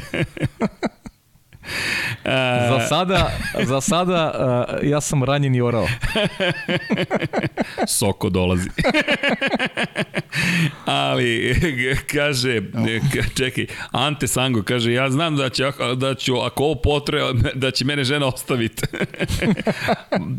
Recite gospođi, pa ne znam, evo, ispričajte ovu lepu romantičnu priču. Evo, izraz, vi slušate romantične emisije. Evo, kako, kako Domago imao iskustvo dolaska. Tako je. Ali, A čak nije ni stigao do studija. A čak nije ni stigao, da. Zamisliš da, da je došao do studija. A ne, ne možeš sve odjednom, previše. Da. da, inače, evo, neko pita kako se kulturno svidela rakija. Ko je rakija? Nemam pojma o čemu pričate. Smem. Pio je rakiju. Pio, pio je. Da, Smeš. Ajmo ovako, ljudi. Dakle, nije dozvoljeno da piju alkohol, dakle, da noć pre, i, ovaj, i tog dana, očito, dakle ne pre vožnje bolida Formula 1. Ali pošto je Kulta stigao u četvrtak, onda je postojala ta jedna mala, mala, mala šansa da... Da, da, da popi raki. Tako je. I nama je bilo jače od nas, mi smo jednu žutu osu doneli, jel te, sa sobom poneli, poslužili je i svi, svi, Dakle, svi vozači koji su bili tu su rekli, ok, je to domaće nešto? Kaže, jeste, to je domaće, naša preporuka, tako, tako. I kažu, ok, Freizaher vodi u petak ne može, ostali koji ne voze smeju i Kultur kaže, ok, dajte da probam. Ej, Paju, znaš koje je stručni, stručno testiranje? Uzeo, testirao, i kaže, ima baš dobar udarac ovde ovako. Ja nisam, e, hvala, vidi ovu fotku. Samo ti kažem nešto, ovaj, Tad sam ga još više ovaj, zavoleo. zavoleo. Ne, ne, gospodin čovek jednostavno. nema, čim se obordao o rakiji, to je to, nema, nema, nema tu dileme više. Da, kao što vidiš, svi su normalni na ovoj fotografiji. I, i svi se... Kako? Voli da čita. Voli da čita. Moj čovjek. Pa da. Voli da pije rakiju, voli da čita. Onda to smo knjigu čovjek. Moj čovjek. Jes da nemaš to da pročita, kakve veze ima. Ali pogledaj, sve normalni ljudi. Vidiš? Pristojno da, da. se ponašaju kulturno i ovaj čovjek koji me zagrlio, to je šef garaže. A gospodin pored njega je Patrick Freizacher, a gospodin u beloj košulji koji je potpuno oduševljen je šef celog tima.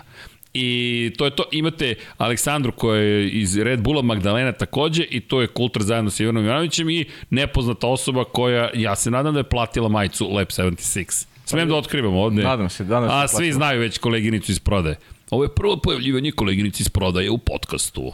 A ovo je drugo pojavljivanje koleginice iz prodaje. Bravo, Vanja. ovo je Patrick Freizacher. O, ovo je ta emisija. To je ta emisija. ovde otkrivamo, ovde otkrivamo sve. Sve čisto da- otkrivamo. Da, ne, čisto da znate koliko su oni super cool. Freizacher pomareže svoje ekipi. Vanja, ovde nisu... samo tebi mene nema, si, si primetio? Vanja, da. e, Vanja, jesi čitao intervju danas su sa Vanjom? Stvarno? A nije ti se pohvalio nije, danas nisi mi poslao, RS nisi mi poslao. Dao stručni konsulta. A, bravo.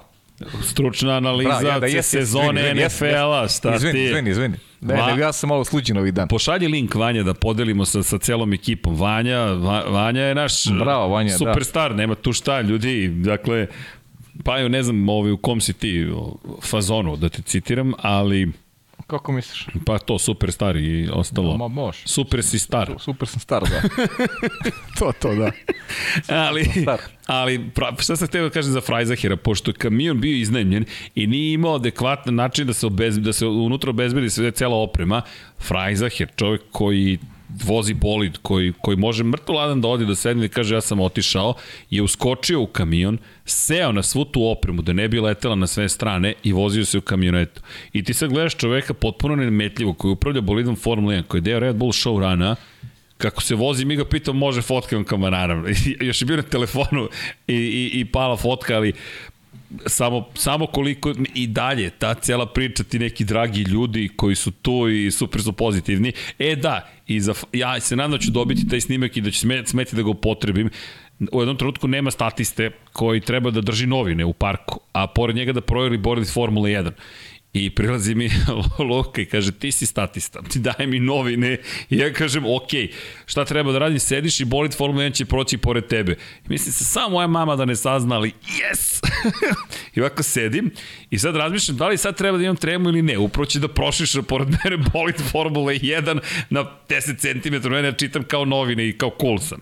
I Freizacher ma, potpuno poverenje u čoveka. Samo ako proleteo na jednu stranu, na drugu stranu I rekao, ok, još, a ne, nema uputstva, jel treba da se iznenadim? Samo jedno pitanje, da. si uspio da vidiš slova u momentu kad, Ma sve sam pročitao, rešavao sam sudoku. Stvarno, i si, si vide slova kad, kad proletio? ja, znaš kako je dobar osjećaj, sediš i besmisleno, kada si u nekoj igrici, znaš kao, šta da radim, statiram pored Formule 1. Misli se, jadna moja majka, a mislila da sam sad bezbedan kad sam punoletan. Kako smo ljudi otvorili srđana Ko zna šta će nam ispričati do kraja mislim? pa nema mnogo toga. kako je bilo u dogmi. E, dogme se uglavnom ne sećam. Dakle, pošto sam pio sek, nemojte da konzumirate alkohol i da vozite, to nije šala, zaista. Dakle, taksi, prijatelji, peške, ne znam. Žao mi, nisam, nisam bio servis, u dogmi, ali vidi, neko drugom pa jo, sve okej, okay, jednostavno to je ne, bio neki naš... Ne, vidiš da pijem čajeve, to je... teška, teška priča. teška priča, teška priča. Teš, teško razočaranje. Teška Nemoj priča. negativno utičeš na ove ljude. Šta ti je? Što kamilici nana, šta fali? Pa to to. I ja sam na nana, samo da znaš. Nana, a? Nana, nana, mora da se pije Ovo nana. nisam probao nikada u kombinaciju kamilica nana. Mešano. Šta bi to bilo? Kaminana? Kaminana. Ili nana kimi. Nana mila. Nana kimi. Nana kimi. Nana Kimi, bolje sa Kimi, mora negde Kimi da bude. Da.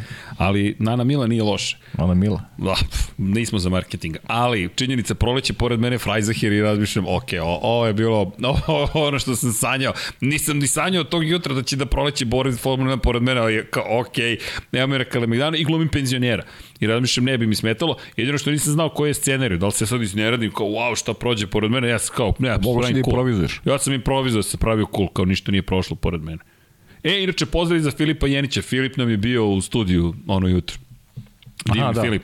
I, I to, da nadamo se da će... A to onda, to je Pre, ja sam otišao, pa da, ja sam tad već morao da idem. Ja sam morao i režije, režije me čekalo da vidimo šta se dešava. Ja sam došao kad ti otišao. Da, da, da, zamenili smo pozicije, ali zanimljivo je bilo i zapravo ceo kamion je bio, ne, na šta mi isto bilo super, kada, je, kada su otvorili kamion, kada su stavili prednje krilo na travu, ja seo i rekao, smem, sedi, nema tajni.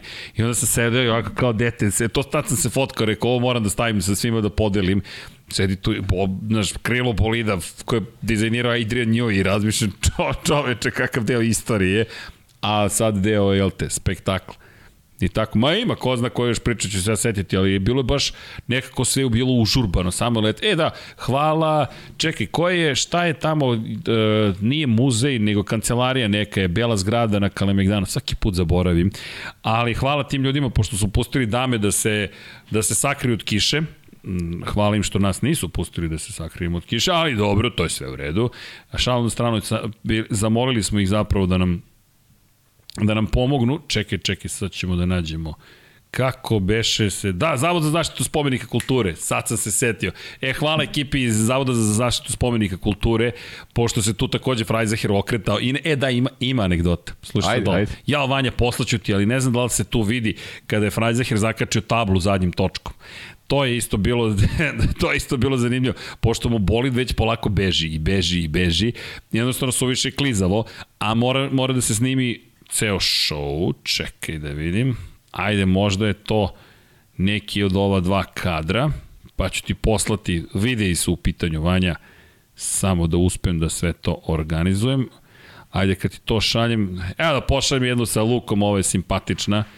Pa, e, ima jedna dobra fotka sa Frajzaherom, evo kako ga pripremaju, pa ima tu još nekih tih detalja, stvari, levo, desno. Samo da se prebaci na računar, pa ti ubacujem u Slack. I u svakom slučaju krijemo se tu negde, sreće bilo je dovoljno kafića, pa smo se i to lepo zgreli i organizovali i onda taj konačni snimak kadar koji je organizovan kod zapravo kod pobednika. I inače imali smo dva peha Dakle, oba drona koje su korišćene za snimanje su imali tehnički problem tokom snimanja u Kalemegdana. Kalemegdana, rekao da je realno oba drona. Onda se pokori BMW, onda padne kiša. Znači, sve nekako tako, ali ceo tim je bio, ne, kuramo, idemo, nema prede. Ali mi je to negde i sad razmišljanje o Red Bull Racingu. Desilo se, okej, okay. To sad samo znači da imamo resurs manje, ali cilj i dalje ostaje isti.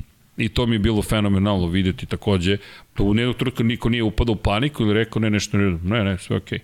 Imamo contingency planning, nešto još imamo, nešto još imamo, nešto još imamo i onda on, otkazu BMW, imamo dva bolide Formula 1, kao top, jej! I Aras Gibieža. E da ljudi, ko može, ko voli stunt riding, zapratite Arasa Gibiežu. Ja ga pitam, Arunas ili Aras? Kaže, molim te reci Aras, pošto Arunas ne, nemam na Instagramu, svi me zovu Aras, lakše će me pronaći. Pa eto, Aras Gibieža. Moraš da razmišljaš o svemu. A, Aruna samo za prijatelj. a ja došao da, da ne pogrešim, jer znam da se čovjek zove Arunas. Ja ga najavljam kao Arunas, kaže nemoj kao Arunas, najavljam je kao Arasa. Rekao, važe Arasa, tako ćemo te najavljam. I eto, to ti je još jedna od tih sitnih priča. Ima još nekih lepih fotki, to ćemo da kačimo ovih dana. A, da, i pozdrav svima koji su imali strpljenje za nas na Kalemegdanu, izblokirali smo ceo Kalemegdanski park. Bilo je to malo i par nezadovoljnih posetilaca redovnih parku, ali sve je to deo gradske zabave. A to je bio tek petak. To je bio petak, više se ni ne sjećam koji je bio dan. Se ja. Zaista se ne sjećam, ali eto. Red Bull Showrun, došao u, u grad i, i prošao. Čekaj, Vanja, samo ti... Ba... Evo, Milićević, a, dobio sam link. E, ljudi, nemojte sada ovo da čitate, nego kasnije kada prođe podcast. Malo, pa da. malo pročitajte šta je to Vanja sve izneo kao mišljenje o sezoni koja je pred nama. Je li tako, Vanja? Dobro. Čekaj da vidim šta još treba da, da ti ubacim. Pa ja mislim da sam iz... Da a ne, ne, nije ovaj poslednji se nije... Ne znam zašto Vanja telefon mi pravi probleme. Kako? Pa ne mogu, muči me. Ali sam ovo hteo da ti pokažem. Evo, sad ćemo ljudi mi to. Pa imaš ti neku priču umeđu vremenu. A... E, ovo je dobar snimak. Ček, pa ne znam, sam pravo ti kažem, aj sasvim Nema priče iza kulisa, a, kod vas? Pa nema iza kulisa. Zašto nisam znao ima... gde ćete vi biti u trenutku? Nisam shvatio uopšte zbog kiše i svega. Pa da, mi smo desno. bili, da, mi smo bili malo preko puta tamo u tribinu smo bili. Pa smo onda došli za, za taj kao odjevni za tu odjevnu priču da, da bili smo onda blizu tebe. Ali bilo je, kažem ti, nema neka sad neka specijalna priča ili se, ili se ne sjećam, ali, ali rekao sam ti te utiske s početka, zaista mnogo, mnogo ljudi ovaj, koji očigledno žive Formula 1, koji vole i koji su ovo dočekali sa, sa ogromnim interesovanjem, sa ljubavlju i to je, kažem ti, neki, neki utisak. Ja pokušam dok pričam da da se prisjetiš možda pristim nekog detalja, da ali znaš i sreo sam i neke ljude koji su koji su nam bili tu u studiju i gosti i tako razmenili smo koju onako usput što se kaže s nogu. Prijateljsku. Pa da od od, od naš ono šetajući od tačke A do tačke B kada smo se Jelena i ja ovaj, kada smo išli tebi u susret negde pred kraj, ono kada je počinjela, ajde, ajde nazovi ona četvrta serija izlazaka na, na stazu, tada smo se već približili i Ovaj, stvarno sam, stvarno sam video, kažem ti, gomilo ljudi koja, koja ovaj, je neko i prošla kroz studiju i koja aktivno učestvuje i, i kada su naši prenosi u pitanju na sport klubu, a pogotovo kada, kada je ova komunikacija i neka prepiska pitanja kroz, kroz podcast. Sad već jedna, kažem, imamo jednu široku bazu ljudi sa, sa možemo reći sa kojim sarađujemo, ne samo, pa da. ne samo da ovaj, uh, oni baš aktivno uzimaju učešće u svemu onome što radimo i, i bilo mi je drago eto što sam što sam video ovaj neke neke ljude onako usput. Pa, Eto, to je, vidi, i ove fotografije kada pogledaš...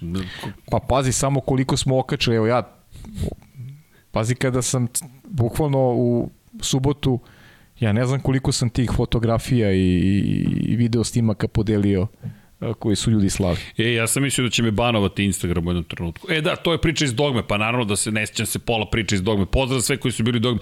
Ja mislim da sam 60 storija postovao i neko me zove i kaže, E, vidi, banovat ćete Instagram. Rekao, nek banuje, baš me briga, ja ću da. dobro da im ljude koliko god mogu da podelim njihovu priču što dalje mogu, jest, to jeste jest. naš posao, naš zadatak. Tako, ali nije me banovo. Nadam se da je, nadam se da je neki algoritam rekao, ok, mo, po, ovi ljudi su... Delio si, delio si lepe priče. Ma ne, ali to su predivne priče, to su, to su, to su romantične stvari, to su čiste emocije, kako da ih ne podelimo dalje. I kažem, nemam pojma da da li će me banovati u nekom trenutku ili neće. Koga briga i da me banuju? Ha, napravit ćemo novi nalog.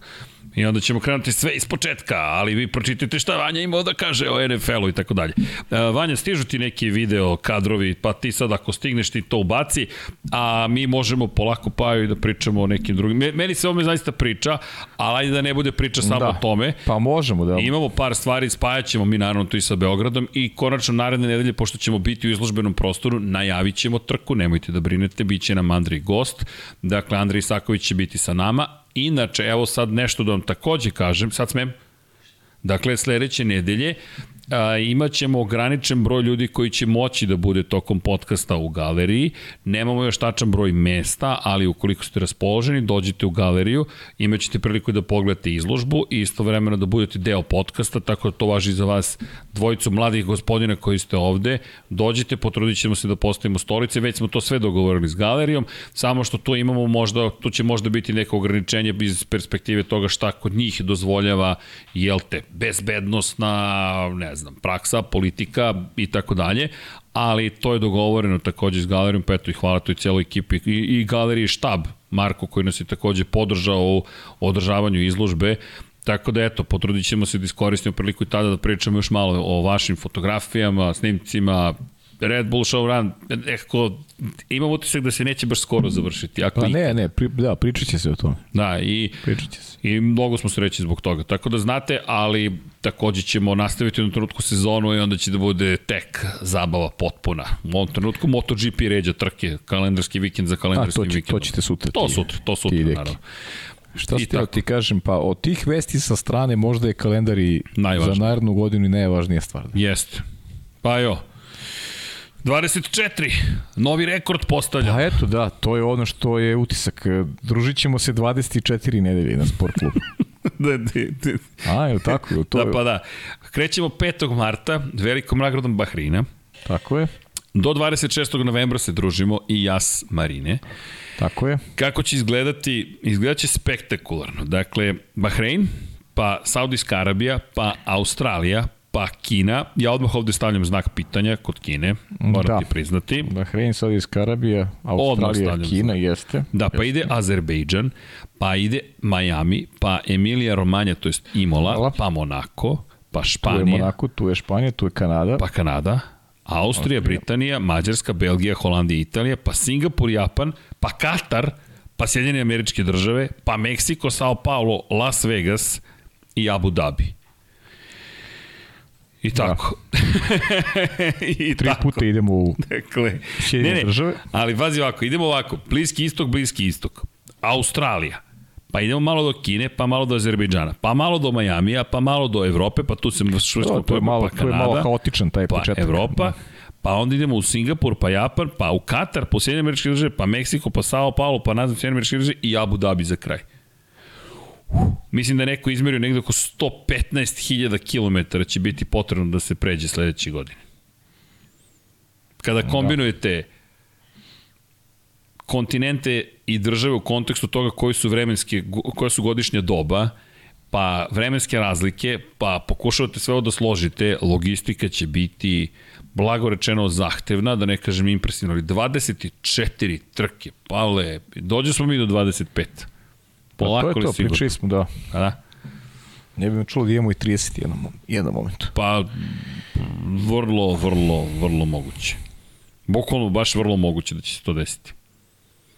Jednostavno, ne, ne, nema šta da dodamo. Što se tiče samo kalendara, Dakle, kada ga pogledaš i kada pogledaš kako to sve izgleda... S tim u vezi upravo je Matija Binoto, malo je tri agregata. A sad ulazimo malo, ulazimo sad u neku drugu sferu pravilnika i tako dalje.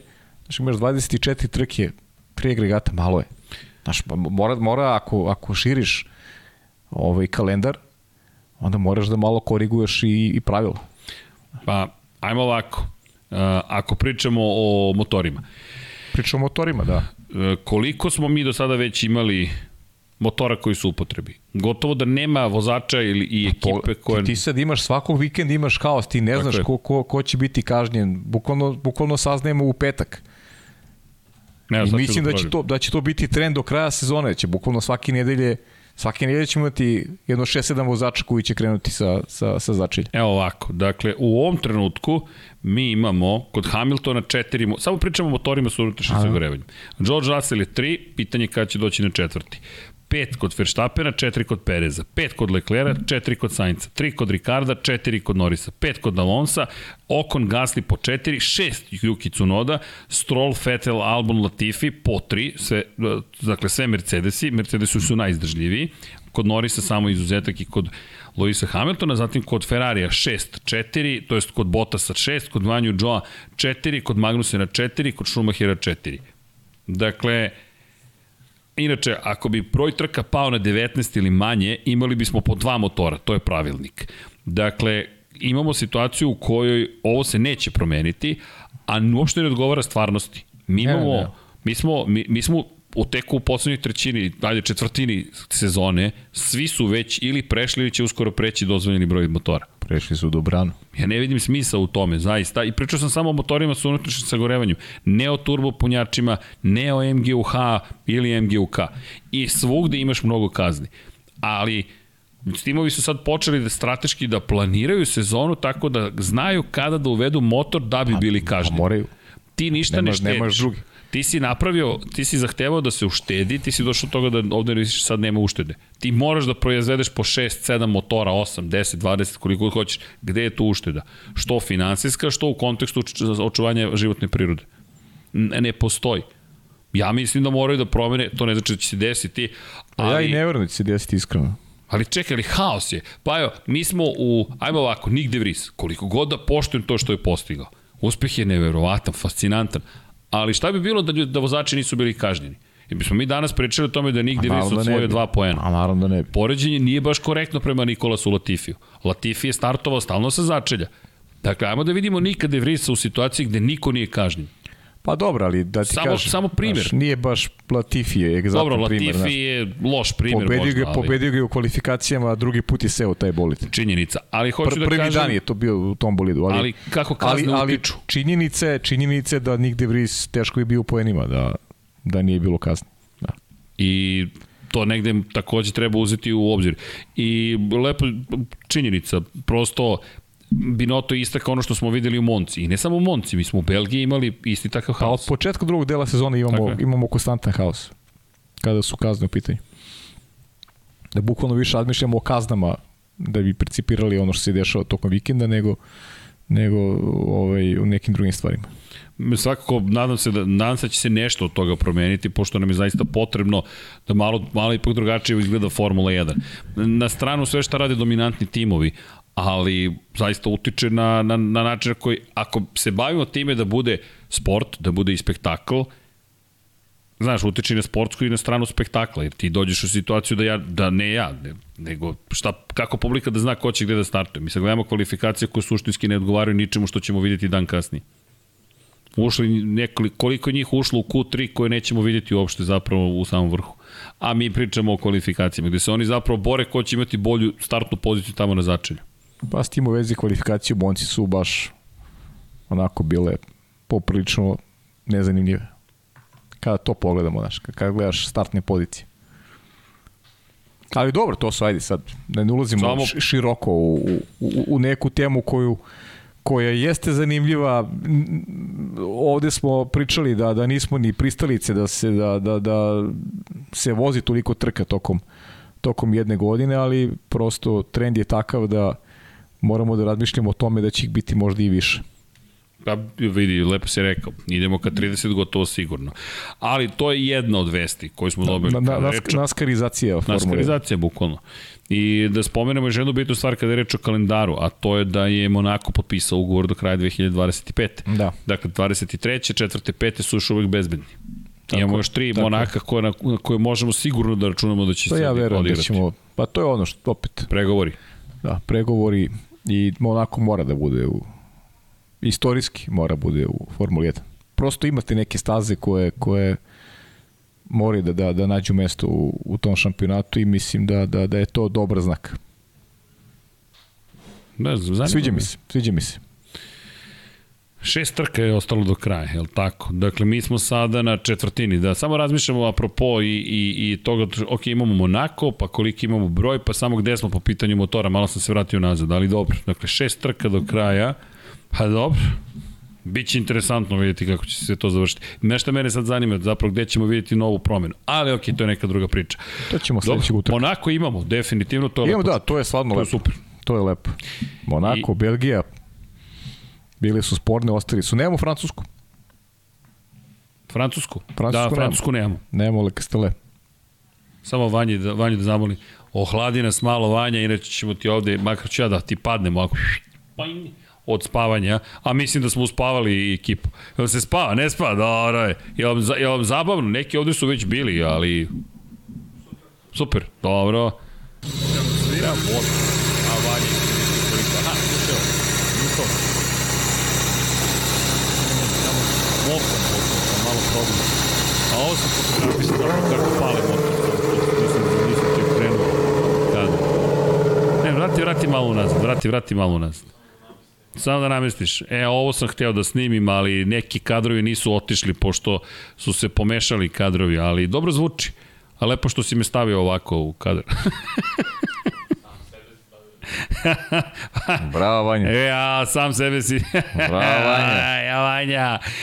E, imam ja neki kadrove, Vanja, ne ti ništa da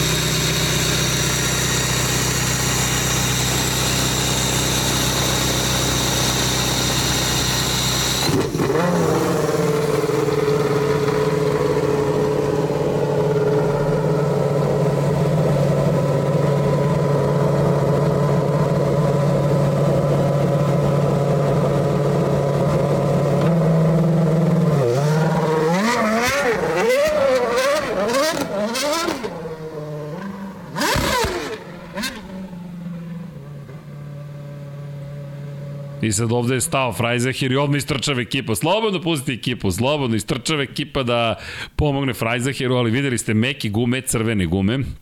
U tom trenutku još uvijek snimamo sa mekim gumama, ali meni taj moment padanja motora bio najzabavniji. Rekao, ok, ovo mora da se snimi kako to izgleda. Ovo je isto dobro. To je onaj drugi. I tu je negde Luka viri žbunje. ali dobro, kakav zvuk. Samo ti puste ovako i to ti je sve što ti je potrebno, da. ali, ali dobro. Da, i neko je pitao Nigdi Vries da li će da vozi za Williams. Pa, nema još uvek odgovora. Ono što je potvrdio je da je u pregovorima. I to ne samo sa jednom ekipom. U pregovorima je sa tri ekipe. To je ono što je zanimljivo. I za sada, ono što je jedna od ozbiljnijih vesti jeste da je u razgovorima za prelazak u Alfa Tauri. Ne, znaš kako, uh, ajde nevezano, sad se nadovezuje na ono malo pređešnu da. temu i da li bi Nick De Vries osvojio poene da nije bilo kazni.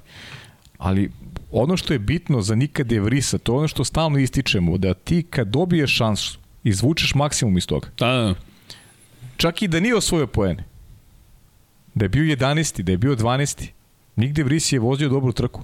Jeste. I pokazao da je trkaš, da možda se snađe u okolnostima koje su onako bile čudne u najmanju ruku.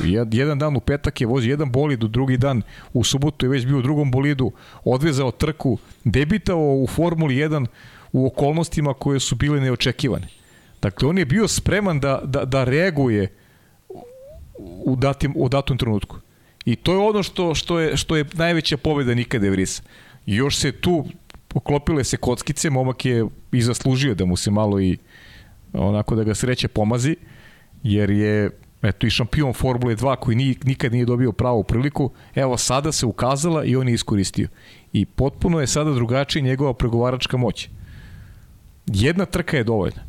Zašto nije u istom košu sa Latif? Pa koliko je Latif imao šansi? Naravno. Nijedno nas nije ubedio da, da on zaslužuje da bude u toj konkurenciji. I nije samo Latifi, bilo je tu vozača koji, kojima je trebalo vremena i vremena da, da, da pokažu nešto nalik onome što je, što je Nick De Vries uradio u svom prvom ulasku u bolid. E, zato je taj momak, zato je taj momak uradio nešto što je ipak, e, rekao bih, posebno u situaciju u kojoj se nalazio. Jeste. Meni je, kažem ti, bio vozač dana, ostao vozač dana, samo ne želim da zaboravimo dimenziju da su kazne Ne, uticale, pa naravno, ali naravno. lepo si sve rekao, nema tu što da se doda, bukvalno si sve lepo rekao, kao i uvijek. Dakle, ovo jeste suština onoga što on uradio. Iskoristio svoju priliku, svima nama stavio do znanja, ja mogu mnogo toga, jer to je prva trka u karijeri. Bukvalno prva trka u karijeri, ti si u Monci, ti si rame uz rame sa Alonsom. Da čujemo, Pa i pored kazni je pao samo jednu poziciju. Tako je, tako je. I lepo rečeno, Da. pored kazni pao je samo za jednu I to je poziciju. tačno. Činjenica. I to je tačno. Činjenica. On je osmi startovo, deveti na kraju bio. Lep, lep Jeste. komentar, hvala. Ali to je to, iskoristi svoje prilike, inače rekao je da je on voljan da pregovori sa Williamsom i sa Alfa Taurijem, da je spreman da pregovara s bilo kim, samo da dobije trajno mesto u Formuli 1. I to je ono što je za njega najvažnije, da u celoj priči, ajde, još lepša bude stvar kako sada stvari stoje, ajde, on je rekao, inače, ove stvari su van moje kontrole, dakle, ne mogu da vam kažem da li će potpisati za jednog, drugog ili trećeg, ali činjenica je da kogod da mu ponudi ugovor, on želi da tu bude. Inače, Alpina je čak spomenut u celoj priči, što mi je bilo zanimljivo, ali Alpina ima taj spisak od ne znam više koliko ljudi koji imaju super licencu. Tako da čak se spomenje da bi mogao da bude zapravo i sa Estebanom Okonom. Ali mislim da to dosta zavisi od tog Gasly i Okon kombinacije. Da li će se desiti Gasly sa Okonom, da li onda to otvara priliku u Alfa Tauri, ukoliko otvara priliku u Alfa Tauri, on ti ostaju zapravo Alfa Tauri i Williams je obrnuto, ukoliko Gasly ne ode u Alpinu, Alpina onda može da kaže, ok, ajmo da vidimo ko je sledeći na spisku koga možemo da iskoristimo. Nick De Vries, do juče bih rekao da je u velikom problemu zato što ima 27 godina, a sad mislim da je u dobroj situaciji jer kao neko koji je iskusan, osvojio titulu u Formuli E, u Formuli 2, dobar vozač, da dođe u situaciju da kaže, ej čekajte, ja sam neko ko je dovoljno zreo da nema paniku, to je ono što si lepo rekao. On iskoristio svoju šansu. Tako da, To je to. ja bih volio zaista da ga vidim, čisto da vidimo šta sve može taj momak da, da uradi. Pa ne, znaš kako je, ja bih rekao da imamo samo još jednu kartu u štihu. Znaš, a, a štihova ima mnogo. Kad pogledaš i Formulu 2 i Formulu 3, štihova ima mnogo, tih momaka koji dolaze. Oni sad samo još jedna karta u tom šti- štihu kada pričamo o raspodeli, raspodeli glavnih uloga za, za godine koje slede. Moramo ozbiljno da vodimo računa o, o Niku De Vriesu. Možda je pojava Nika De Vriesa zatvorila nekome vrate. Možda se ponovo tržište promenilo u odnosu na, na period pre Monce. Moguće. Možda i zbog toga čekamo neke odgovore koje smo jasnije negde nastućivali u Holandiji. Vidiš da je opet neko zatišje. Negde sam verovao da, da, će, da će se brže rešiti Jeste, neki jeste, enigme. Sad je zatišje, zato što, kažem ti, dobili smo, dobili smo još jednu kartu u, u jednom kvalitetnom štihu, a ti mladi momci nadolaze i to je, to je sjajno za sport. Sjajno za sport, jer čeka nas jedan uzbudljiv period. Vidi, zanimljivo, i Mick Schumacher još uvek nije izašao iz Formule 1, tu je, Da. ima svoju šansu, ima svoju priliku. Vidio I- si ko je bio na rođendanu Esteban Okona? Ne. A Mick Schumacher. A, a to, okej, Bio okay. mislio sam da je rekao, Ne, oni ne, su Mick drugari. Schumacher. Pa oni, su drugari, stari. drugari. Oni su Rekao, drugari, ali, ali ti znaš da, znaš, to opet ta priča Esteban Okon koji želi Schumachera da vidi izgleda pre nego Ga- Gaslija u, u garaži Alpine. Pa vidi, Ima tu interesantnih ovaj, pričica koje, čekaj, moram da, koje će se rešiti do, do kraja godine. čekaj da vidimo, ovo, ovo, ovo moram da podelim s tom Vanja, pa ajde da vidimo, ovo ako možeš da ubaciš, bio bih ti super mega giga zahvalan kao i uvek. Pa, evo, poslao sam ti jedan link. Ako možeš da nam daš, to bi bilo savršeno. Zašto? Zato što govori mnogo upravo o ovoj temi, kada je reč o, o Schumacheru i, i Okonu, ali ima nešto zanimljivo. A kad uspeš ti samo pusti Vanja da, da prokomentarišemo, inače za one koji nas prate ili koji prate Formulu 1 nije ništa možda novo, ali za one koji eventualno ne znaju, hoću da vam pokažem za ljude, za ljude koji prate sigurno nije novo. Nije novo, ali lepo je videti. Tako je. Samo nam daj Vanja tweet od 1. augusta 2022. Dakle, šta kaže? Možeš da scrolluješ malo na gore, ako da se vidi, ako možeš. Dakle, ko je, čiji je tweet? Markus Eriksson, osvajač 500 milija Indianapolisa ove godine. Šta je njegovo predviđenje od 1. augusta? Dakle, pošto je Alonso, jel te, prema njegovim rečima, srednji prst uputio Alpini, Alpina, Okon Gasly kombinacija u igri je, Alfa Tauri, Schumacher Tsunoda, McLaren Norris Piastri, to se desilo, Alfa Romeo Bottas Joe, to je potvrđeno, Haas da će biti Magnussen Ricardo i Williams Albon De Vries. Čisto da se ponovo podsjetimo ovog statusa od pre Da. 45-50 dana, a lepo je to. Mogu ti reći da najviše možda škripi ta Alpina i Alfa Tauri. pazi sad to, jednom to je naj, najproblematičnije. Da, ovo ostalo deluje poprilično, nešto se već dogodilo. Da, Ricardo možda je to Pa ne znam, i to ima veze. Pa, a pazi kada je to čovjek napisao. 1. avgusta. Da. Ima veze i tekako. I dovodi se Ricardo ovaj, u konekciju Da, sa da, da. Ali to je sad zanimljivo u celoj priči da ti sad odjednom imaš čoveka koji, koji je u tom momentu siguran u McLarenu, onda čovek ga šalje u Haas. Da. Ali dobro. E, idemo dalje. E, ima tu još par nekih zanimljivih stvari. Samo kratak osvrt što se tiče kalendara, da ne zaboravimo nekoliko bitnih momenta. Južnoafrička republika ispala iz kalendara. Iako je Da. najavljena kao senzacionalni povratak u Afriku, nećemo ići u Afriku, to ste mogli da čujete, ali čisto da istaknemo šta se tu desilo. E, kada je reč o o tome šta smo još mogli u cijeloj ovoj priči da, da shvatimo kada je reč o kalendaru, već smo spomenuli, a to je da će logistika biti zaista nemoguća. Međutim, nismo, nismo jednu stvar bitno napomenuli. Ove ljudi što ste videli u Red Bull Racingu na Red Bull Show ranu, možda ćete ih videti kao deo trkačke ekipe, zašto? Ne kažem možda nužno to bukvalno, ali pravim neke paralele. Dakle, postoji mogućnost naredne godine da će više članova ekipa morati da učestvuje u trkama. S obzirom na činjenicu da imamo 24 trke i da to podrazumeva da oni bukvalno pola godine neće vidjeti svoju porodicu. Dakle, mi ne pričamo o tome da su oni tamo petak, subotu, nedelju. Oni su tamo već u sredu. Dakle, oni moraju da sklope garažu, potom moraju da sklope bolide, potom moraju da samo to je, mislim da imaš dva trostruka vikenda. Pa, između da se, ostalog. Da se, mislim, po, poklapaju se po tri trke u dva navrata o, o, sledeće godine. Da, evo. Ako se ja ne varam. Pa evo, imamo sledeću situaciju. Dakle, početak sezone, dve nedelje, dve nedelje, dve nedelje i tako dalje. Međutim, 21. maj, 28. jan, 4. jun, mi imamo sledeće trke. Imola, Monte Carlo, Barcelona. Dakle, nema, nema praznine, nigde. Zatim, imamo, imamo i duple vikende, dakle, drugi, devet, Duplih ima koliko hoćeš, ali, ali pričam ti o ovim trostrukim. da, evo, apropo trostrukih, dakle, šta imamo sledeće Pa godine? opet verovatno Belgija, Zandvoort, pretpostavljam. E, Zapravo ne, imamo 22. 29. oktobar i 5. novembar na kraju. Ameriku, Meksiko, Sao Paulo. Monca je u ovom slučaju na 3. septembru, međutim Belgija je pomerena na 30. jul. Njom završavamo prvi deo sezone, a onda čekamo praktično četiri nedelje do Velike nagrade A, Holandije. ti što nisam obratio pažnju. Da, da. A, Zandvoort su- 27. avgusta, a 30. jula je Velika nagrada Belgije. Znači, Belgiju su pomerili, to je interesantno. Da, i to su Belgiju pomerili na 7 dana posle velike nagrade Mađarske.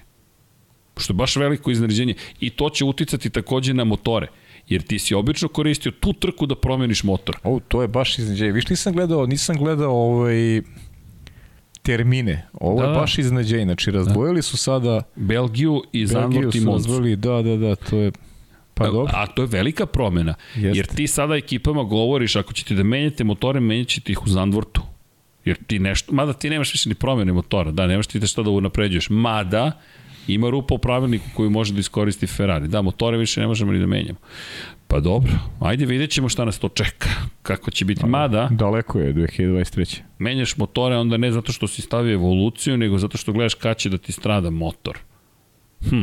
Ali zanimljivo, da. I tako da imaš taj trostruki vikend, što se tiče dvostrukih vikenda, A njih ima baš dosta. imaš ih Azerbejdžan, Miami, 30. april, 7. maj, zatim ih imaš, ajde da ne računamo ove trostruke vikende, imaš 2. jul, 9. jul, Austriju i Veliku Britaniju, pa imaš Mađarsku i Belgiju 23. to je 30. jul, zatim imaš dvostruki vikend Holandija, Italija, pa dvostruki vikend Singapur, Japan, pa E, čekaj da vidim septembar, ne, ne, dvostruki vikend, onda imaš pauzu do Katara i onda imaš taj trostruki, trostruki. vikend i onda imaš dvostruki vikend za kraj sezone, 18. to je 26. novembar, Las Vegas i Abu Dhabi. Kako se pomera? A 26. novembra. Kada je prva trka kad počinje u martu? 5. marta. 5. marta. A pazi sad ovo. I, op, i to se, znaš, da, da, kre, krećemo ranije Tako sezon. Je. A gledaj sad ovo, ima još jedna bitna stvar u celoj priči, a to ti da je ti Las Vegas pred poslednja trka u šampionatu. Što znači, ako je dramatičan šampionat, ti dolaziš do toga da zapravo u Las Vegasu će se možda rešavati pitanje šampiona. Što me podsjeća na Saudijsku Arabiju od pre nekog dana. Od pre nekog godine, prošle godine, zapravo, izvinjam se. Pre nekog dana. Inače, da, pre nekog dana, uf. Ali evo ti MotoGP. 26. nije lepo da mi se smeje. Ali dobro, MotoGP počinje 26. Nije. marta, završava 19. Smenje je zdravo, srđan. Jeste, ali stvarno i treba se smejati. Dakle, kada govorimo o MotoGP-u, 26. marta kreće sezona, ali ovo nije još usvojeni kalendar, ovo je za sada predloženi kalendar. Dobro, zanimljivo. Ajde, vidjet ćemo. To ćeš sutra, rekao sam ti. Da, da, ne, samo analiziram šta će Klasno se sve poklopiti. samo. Da. Ja, znaš šta se sve poklapa? Poklapa se šta hoćeš. Ali dobro. A ne da može da se ne poklopi Naravno, sa 24 vikenda. Poklapa pa, se sad sa 22, ne sa 24 sledeće godine. Fascinantno. 21 trka inače u MotoGP-u. 21 je sledeće godine. Da, Aha. 21 Dobro. MotoGP, 24 Formula 1, Ništa, 45. spremi, spremi onu vreću za spavanje. Treba će ti sledeće. Spremljene. Čekaj, a kad smo počinjali 2011. koliko smo imali trka tada? U, čekaj, ovo moram pa, da... Pa šta smo imali? 17, 18, koliko? 17 možda? 2011. F1, koliko beše trka? 2011. imali smo ih 19. 19, da? 19. A da vidimo pa dobro. MotoGP, pa dobro, kad to pogledaš, Nije tako strašno, MotoGP ih ima 18. Ali pazi, to je 37, sada 45. Ma šta je to? Sitnica. Sitnica, ovaj, moj aj, dobri paj. Da ne zaboravim, NASCAR je završen ovaj prvi e, krug play-offa. Mogu samo da iskoristim pre toga. Može, ajde. Bitna stvar, apropo Porsche-a. Samo da napomenem, Porsche još nije potvrdio da ulazi u Formulu 1. Pa dobro, dakle, logično. Porsche još uvek stoji, ništa se nije promenilo. Ono što je zanimljivo, da bismo mogli da imamo zapravo situaciju u kojoj će Andreti čak da sarađuje sa Porscheom, to je najnovija stvar koja se spominje. Red Bull bi mogao navodno sam čak da proizvodi svoje motore, a Toto Wolff je rekao da je to hrabar potez Red Bulla ukoliko se za to predeli, ali eto, to Ti je neko... veruješ u to? Ne. Pa ni ja. Ne, ne verujem iskreno. Koliko god da investiraju, ne verujem. Mislim da su Mislim da su svesni da je to gotovo nemoguće. Hondi je bilo potrebno koliko godina da stvori motor konkurenta. Mislim da je, da, mislim da je to utopija, ali ajde. Bukvalno utopija. Ja, a ja a mislim da nisu utopisti. Ni Adrian Newey, ni Helmut Marko, ni Christian Horner. Pa i prvo on čovjek koji vodi firmu, Tako mislim je. da nije utopista. E, priča se inače da su njemu zapravo uspeli da, da su njega naterali da promeni mišljenje zapravo, da je on bio spreman da proda Porsche-u, ali da su rekli da, su, da ga je njegov internet tim ubedio I, da logike. to nije pravi potez. Ima logike. Iz njihove perspektive. Što opet, što opet govori o njemu. Da, govori o njemu. Ok, saslušat ću. U, u, najbolji, u najbolji mogućim svetu. Naravno. da. Aha, neko ko zna nešto tako više od mene, je. ima nešto da mi kaže. Za, za, zato mi ima, ima mi logike ta priča. Ima, ima. Liči, liči na, na, prosto na, na, na čoveka koji tako dobro vodi kompaniju. Hoćemo sad u naskaru? Ajmo. Mislim da možemo da iskoristimo priliku. Potpuno luda sezona. Opet je pobedio čovjek koji nije u play-offu, znaš? da, da, da, da. da. 19. različiti pobednik ove godine.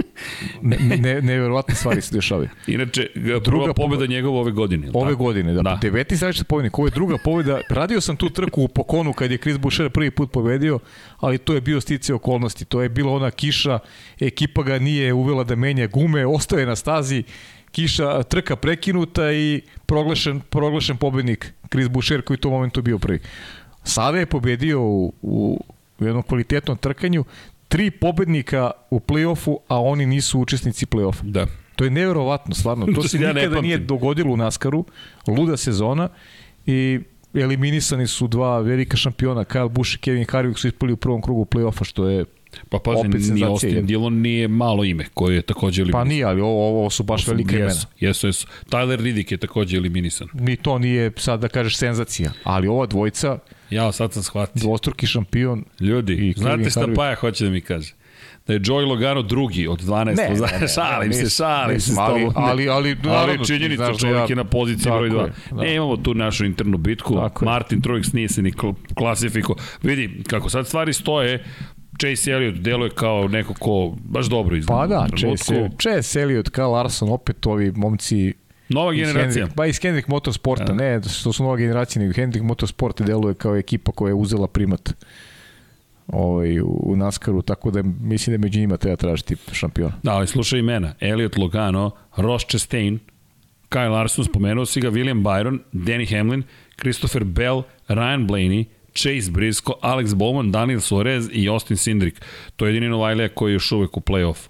Ali zanimljivo je i može da se desi neko iznenađenje. Može, Do može. kraja ima sasvim dovoljno. Sedam trka, pa da vidimo, znaš, da li će neko iznenađujući da prođe dalje, da, da, da To će postoji biti neki verovatno i nekih timskih ovaj, Znaš, vidiš, imaš, mislim da su tu sva četvorici iz Hendrick Motorsporta, sva trojica su iz, iz Loganovog tima, iz, uh, ustav mi mozak, iz Penskeovog tima. Da. Tako da biće tu vero, verovatno nekih timskih borja. Vidiš koliko nema Joe Gibbs Racing. Uh, samo Danny Hamlin je tu i mislim da nema više niko iz, iz uh, i Joe Gibbs Racing tima, što je, što je nevjerovatno. A E. imali su pre tri godine su imali trojicu vozača na prve tri pozicije u šampionatu. Promenili su se malo okolnosti. Jesu, promenili su se. A znaš šta mi nismo uradili prošle nedelje? To sam zaboravio bio. IndyCar sezona se završila. Čisto da spomenemo. Bravo. Ne, ne, treba. Treba naravno. spomenuti, Will Power je osvojio još jednu titulu. Jeste. Will Power inače samo jednu pobedu zabeležio u Detroitu ove godine, bio najkonzistentniji, najkonstantniji vozač. Inače Tim Penske. Tim Penske, da. Još jedan vozač tim Pen, tima Penske. Znaš, i sad pričamo o čoveku koji je poslednju titulu, to je prvu titulu osvojio pre 8 godina, 2014. i sad evo, Will Power, to specifično ime. Will Power se zove, bukvalno, snaga volje, Inače, momak koji je često bio tri puta vice šampion, često pobeđivao pre nego što osvoji tu jednu titulu i onda opet gomila nekih situacija u kojima nije uspeo da dođe do titulu i ove godine spojio sezonu celu i postao šampion. Da, Roger Penske ima razloga da bude zadovoljan ove godine. Da, ovo je baš lepa sezona. I onda iz perspektive NASCAR kada pričamo o iznenađenjima, naša topla preporuka i ispratite ovih poslednjih sedam trka. Mislim da je čak neko pitao nešto za NASCAR, ja se izvinjavam, ali sam propustio da vidim, bilo je pitanja negde na početku, pa ako može, Boris je nešto pi- pisao. da, On, je, on prati redovno baš. da, nadam se da Nadam se da, da ako neko ima pitanje za nas, eto neka, neka, neka postavi pitanje. E, A što se tiče što se tiče pitanja, a Vitko, Viktor Srećković, ko gleda ovo? Pa vi, čim ste napisali komentar. Tako da, Viktore, udarite like i hvala. A, jesmo, prokomentarisali smo kalendar, a što se tiče MotoGP-a, ljudi, čuvajte energiju, sutra ćemo o svemu tome da pričamo. A, MotoGP ili ima trka za vikend ili ne? Kako nema, kako nema. Sad za vikend ima, a? Da, da, ima sa, sad za vikend i imaš i onog tamo vikenda. Dakle, tri kalendarska vikenda za jedan za drugim imamo to. Znači, poklapanje s Singapurom. Da, sa Singapurom se poklapamo. I to opet, ono što će biti zanimljivo, Singapur je večernja trka, ovo je jutarnja trka, tako da Dobro. Biće zabavno, idemo na Tajland. Dakle, idemo da, Japan, pa Tajland, pa onda pravimo malu pauzu, ali među vremenu naravno imamo formule. Kaže neko, čitaj Twitter. Koji sad Twitter? Da vidimo št, ko mi se javio. Dakle, Uh, evo, Uroš se javio, kaže, slobodno reci da sam to ja. E, Inače, poslao je gomilu fotografija Uroše, bez brige, iskoristit ćemo sve ove fotografije za sledeću emisiju, malo da pričamo i o Sao Paulo, da, da iskoristimo priliku, naravno najavit ćemo trku pre svega i da vidim još jednu stvar, neko mi je nešto pisao, pisao na Twitteru, ali to je Matija, Matija poslao krug za sutra, znaš, Matija Zorić ima 16 godina Aha. i vozi, ja ću da glumim sutra, palit ćemo mene kako držim palčeve ovako, a Matejin krug ide. Kontrašvanja. Fake, fake it till you make it. Šalim se naravno, inače Matija bi trebalo sutra da nam dođe u posjetu, tako da pozdrav za Matiju ukoliko ovo sluša. Uroše, bez brige, dakle, iskoristit ćemo ovo za sledeću nedelju, malo sam zakasnio da vidim šta se tu dešava.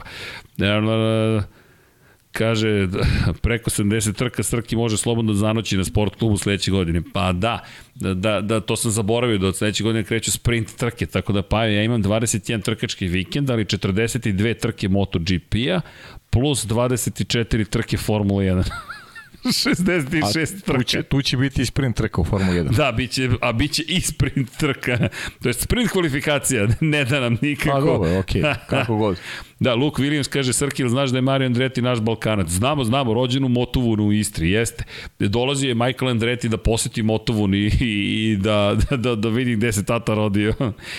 Da, da Master ima, ima a Patreon, čekajte, odgovorit ću Master ima, nemojte da brinete, čekaj da vidim Patreon, da li sam nešto propustio, sigurno jesam. Jesam propustio neku donaciju ili nešto, Vanja, Nisam odgovorio, ajde.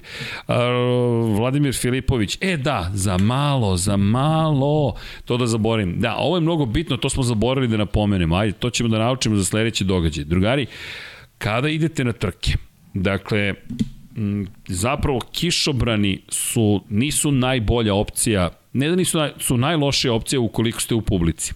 I htjeli da poklonim Zorana Cimeša. Zoran Cimeša nije imao kamanicu, pa je kupio providni kišobran. U čemu je stvar? Kada dođete s kišobranom na, na događaj tog tipa, bili na tribinama ili negde, čim ga otvorite, osoba iza vas više ne može da gleda. I ta osoba, ako, vi, ako ona ustane, osoba iza nje mora da ustane ili ako ta osoba takođe da otvori kišobran, niko ništa ne vidi osim onog koji je prvi. Tako da kišobrani se obično ne nose dok traje trka, već dok se čeka i onda se sklapaju da bi ostala publika mogla da uživa i da vidi. Jeste, malo smo mokri svi zajedno, ali eto, apelujem na vas, ako idete na trke, čisto da znate, to je neki, da kažem, trkački bonton u kontekstu toga da svima se omogući da gledaju trke. Tako da, hvala jer smo dobili jednu od informacija, Vladimir Filipović, pozdrav za Vladimira, koji je rekao da je vodio sino 9 godina i gledali smo uglavnom u kišobrane ljude i tako da kabanica je osnovni rekvizit, Dakle, kišobran može da se koristi eventualno u nekoj pauzi ili nešto, čisto da svi budemo suvlji, ali kabanica je glavna stvar. Dakle, bukvalno kabanica je glavna stvar, jer na taj način vi ostajete što je suvlji moguće, a istovremeno pomažete onima iz vas da gledaju.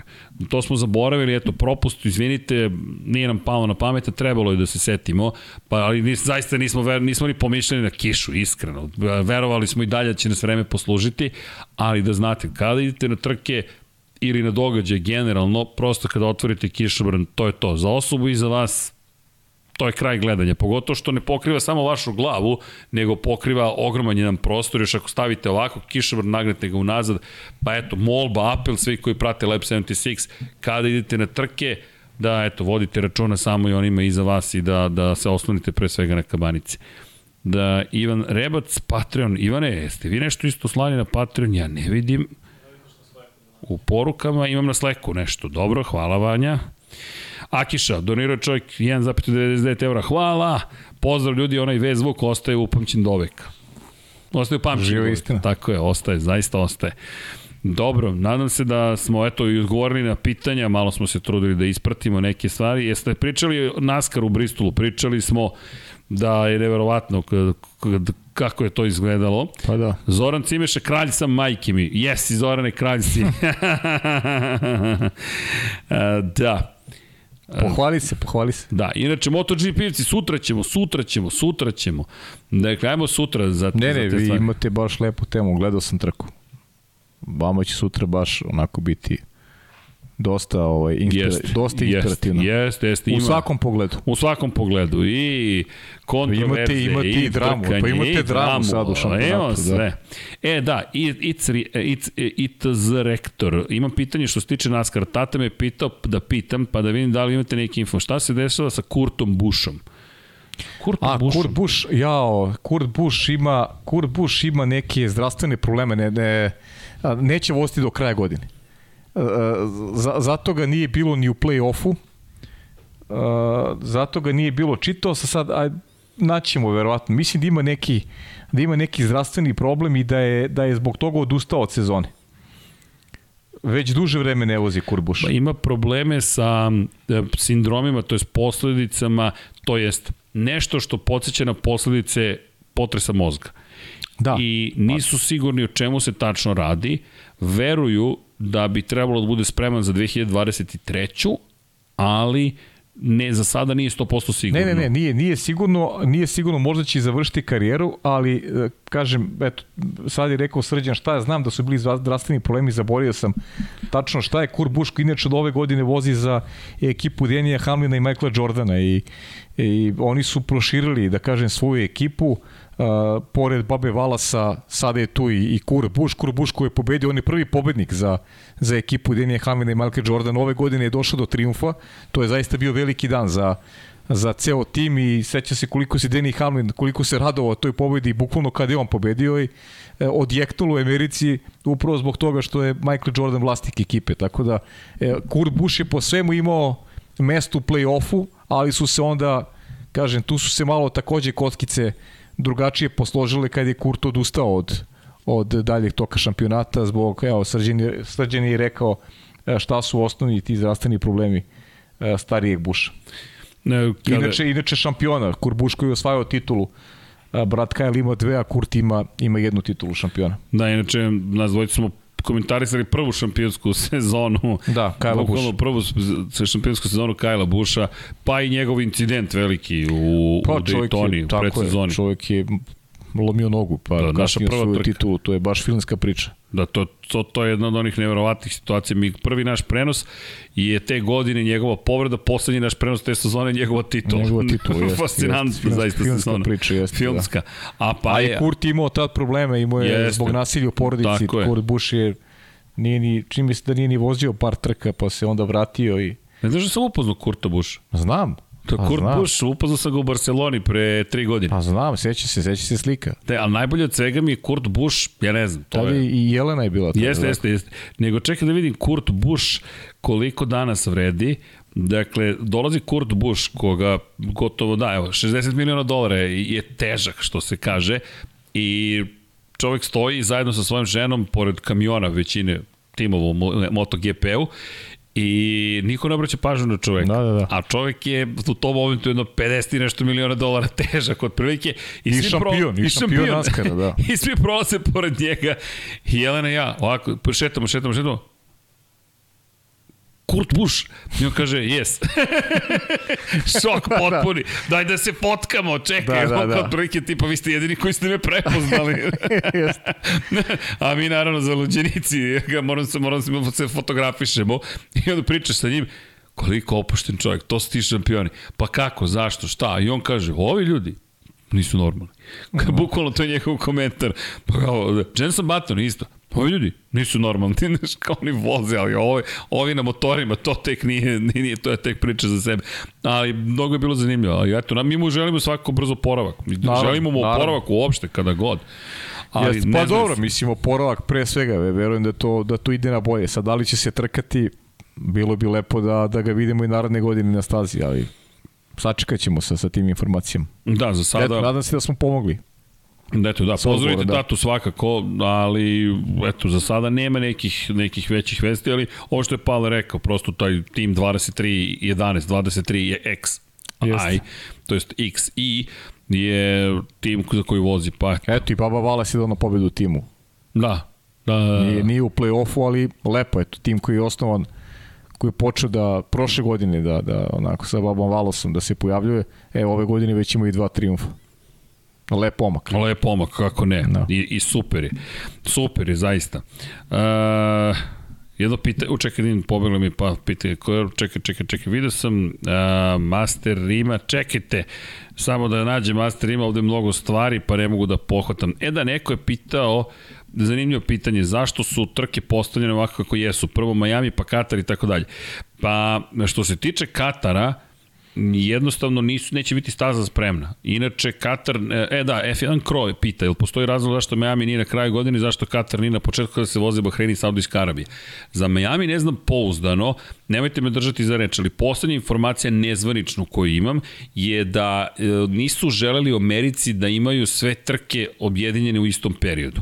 Da iako su rekli da ne vide da će to utetiti previše na pad interesovanja, to je jedna od informacija. E sad, postoji, moram da istražim još malo više, zato što treba vidjeti i, sa kojim događanjima se poklapa i kojim gradom se poklapa zapravo, moram da im kalendar NFL-a, NHL-a i svega ostalog u Americi, da vidim kada pada trka Formula 1, kada padaju ti sportovi, kada se završavaju i da vidimo šta, da li to ima neki utjecaj. Ne znam, ali što se tiče Katara, Katar ne otvara sezonu Moto Grand Prix-a, Dakle, ako pogledate kalendar Moto Grand Prix, Katar nije na prvoj poziciji. To se nikad nije, ne nije, to se nije desilo više od 10 godina. Portimao otvara, međutim Kataru je trka zapravo toliko bitna Formula 1, da je Katar, tu to moram da napomenem za one koji su eventualno propustili, neće se više kada sam to pričao, šokiran sam bio u Kataru na stazi fotografije, jedna trka je održana u istoriji Katara Formula 1. I unutar samog objekta su postavljene fotografije timova internih organizacionih koji su učestvovali u organizaciji trke Formula 1. Bez obzira na činjenicu da se od 2004. održavaju trke Moto Grand Prix-a, za Formulu 1 su se svi hvalili tim održavanjem trke. I mnogo novca je uloženo u renoviranje zapravo pratećih objekata, plus kada su dobili ugovor da vozi se zapravo u Dohi, inače, ovo je Lusail. Lusail je predgrađe Dohe. Nije zapravo deo Dohe, ali je lakše da se kaže da je Doha da bi ljudi došli u Dohu i inače taksi je super jeftin. Ako odete u Dohu ili generalno u arapske zemlje, pred svega dakle, zemlje Bliskog istoka, instalirajte topla preporuka Karim aplikaciju. To vam je neka vrsta, da kažete, blisko-istočnog Ubera. Je Uber zna da bude i skuplji, jeftiniji, ali Karim vam je uvek povoljen. Tako da Karim instalirajte Dubai, Abu Dhabi, ne znam, Katar, gde god da idete, ako idete, Karim topla preporuka. Ljudi, super je jeftino. Dakle, mi smo se svakoga dana vozili do staze i nazad. To mi je po 20 kusur kilometara u jednom smeru. Mi smo ukupno za 4, da, 5 dana korišćenja taksija do aerodroma, od aerodroma potrošili 50 evra.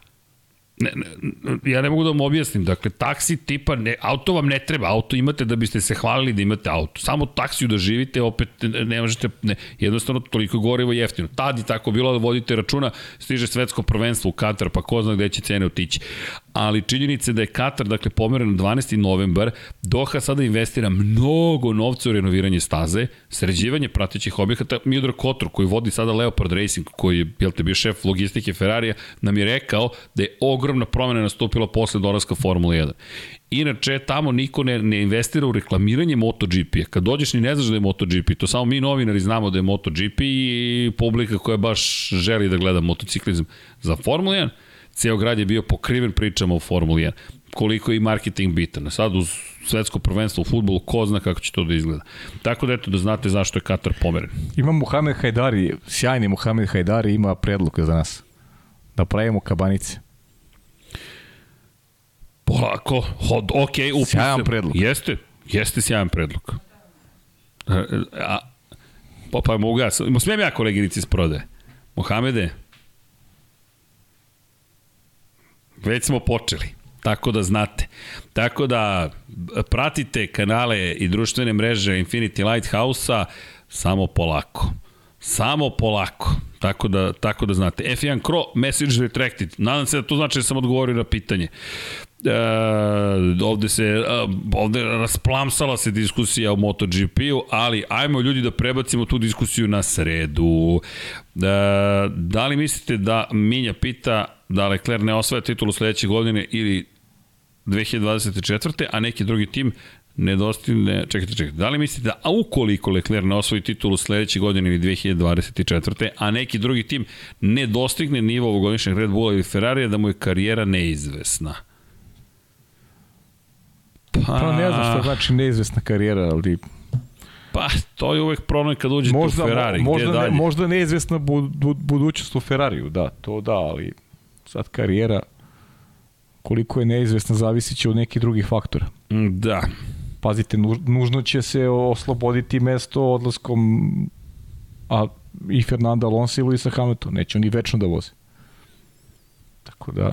Ko zna da će se otvoriti će prilika. Biti, da, kako će izgledati poredak ovaj, i timova i kakav će sastav biti za nekih 5-6 godina. Pozicije u Ferrariju, ja ne znam koliko su Charles Leclercu stabilne, zaista. To je veliko pitanje koliko su stabilne generalno pozicije uopšte u Ferrari. Master Rima kaže, treći put digresija na moje pitanje. Udrite Master Rima, koje pitanje, propustio sam ga očigledno. E, dakle, Da, dajte šolje za kafu i čaj sa logom Lab 76. Pa ja pije čaj Lab 76. Evo ga. Evo ga. koji, koji je to? Ja, pa da, da, da napraviš svoj miks pa da vidimo. Inače, ovde imam zahteve da častim što su Jetsi pobedili. Ne razumem što bih častio. Se sećaš ovog? Očekivan. Srla i Pajče, ja, ljudi, ovo smo mi u kafani. E, ne, u biblioteci. biblioteci Izvinjam da. se. U mojoj omiljenoj, da. U Pajnoj omiljenoj biblioteci i tad smo tek počinjeli pričamo da. nešto, ne znam ni šta smo pričali. E, da šta, da, mogli bismo ovo, mogli bismo ono, ne znam ni ja. Važi, važi, strki, vidimo se kasnije. I tad smo snimali, tad nismo još uvijek emitovali uživo. Jest, Kad se da. vidimo, vidimo se u 11, a onda dok krenemo, to moramo jednom da ispričamo, onda dok krenemo do 12 ne krenemo. A šta ćemo pričati? Šta do 12, ne krenemo po 3-4 sata nekada. I bukvalno, i, i, i Da, da, to je, to je ta, ta, to počeci i sad mi, mi snimamo i kao, šta ćemo sad, nemam pojma. Pa ajde sad, a je li ovo dobra tema? Nemam pojma, ali ti ovo dobra tema? Ne znam, tako pričamo 3 sata, 4, ne znamo šta ćemo i onda krenemo, snimimo i pustimo i onda gledamo, pa će ovo neko da gleda uopšte? to je bio ceo stav otprilike. Hej, neko je gledao, vidi, vidi, imamo komentar. I to su divne stvari, divne uspomene. Tako da hvala vam za svaki komentar, sve što napišete. E, Da, F1 Kro kaže Kina je isto odvojena od Singapura i Japana u kalendaru. Ja iskreno mislim da oni ni ne računaju da će Kina da se vozi. Kina ima tolerancija nula tu filozofiju za COVID i oni ljudi još uvek se bore na drugi način odnosno na ostatak planete Zemlje. Pa dobro, tu su kalendaru. To- to ne, znam, to. ne znam da li postoji neka spremna eventualna zamena, nemamo pojma, Da, ali tu su u kalendaru, pa vidjet ćemo šta da. će biti. Možda opet upadne neki Portugal ili nešto Pa slično. moguće, moguće. N- Da, nije nemoguće. Nije nemoguće. Da, pitanje Tomislav Petrović. Srki Pavle, koliko je težak ili lak posao komentatora? Pa lep je. Lep je, jest. Da. To je dobar odgovor. A sad, Znate Sve- kad je... svaki posao bude nekad težak, nekad zavisi kako, mislim, zavisi nekad i od onoga što, kako si osjećate i sami. Nekad Da. je teško pobediti samog sebe nekad. Da. Evo, danas znaš, sam pričao... znaš da treba da budeš, da preneseš neku dobru energiju, a ti baš energijski nisi najbolji, ovaj, iz koji kakvih razloga i to je to, ali generalno je posao lep. Pa da, to. pa imate, ajde da kažemo, dve stvari. Jedna je lična, jedna profesionalna. Ajde da krenemo od, od lične. Kada, ste, kada imate neki lični problem u životu, to ne sme da se prenese na televiziju. To morate da ostavite na vratima televizije.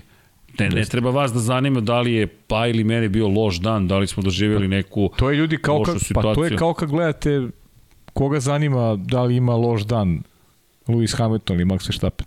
I oni momci Tako je. imaju loše dane pa moraju sednu boliti. To je to. Isto je priča i sa Kao nama. i svi koji se bave nekim javnim poslom. To je to. Da, bukvalno. A, Mora da, po, da potisneš negde to, to što ti se loše dešava, odigrava šta god, da bi bio u poslu kako treba. Ma, ponekad prosto se desi, ljudi, ljudi smo. Pa Desi nekad ti se desi da znaš da si, da si, posao, da si posao uradio slabije nego što možeš, svestan si toga, bitno je da si svestan toga. jeste.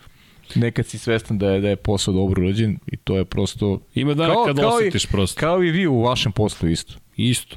To je to. Ali, a, hajde, to je, kada pričamo, ajmo, da dodamo tu drugu stvar, profesionalno, na primjer, ima dana kad vam je raspored tako gust da ni sami ne znate, a, meni, na primjer, pomaže, ne, ne razmišljam šta me sve čeka tog dana, jer čeka me šta god da me čeka, ali znam, sećam se pre par godina, u 8.40 počinju jutarnji treninzi, 8.35 zapravo, moto trojke, pa idu moto dvojke, pa moto Grand Prix do nekih 10, 10 i 15. Pa čak mislim da je bila i moto E trka između, pa onda ide trka moto 3, pa trka moto 2, pa trka moto Grand Prix, pa čak mislim da je odmah išla Formula 1 i posle Formule 1 sam imao utakmicu NFL-a.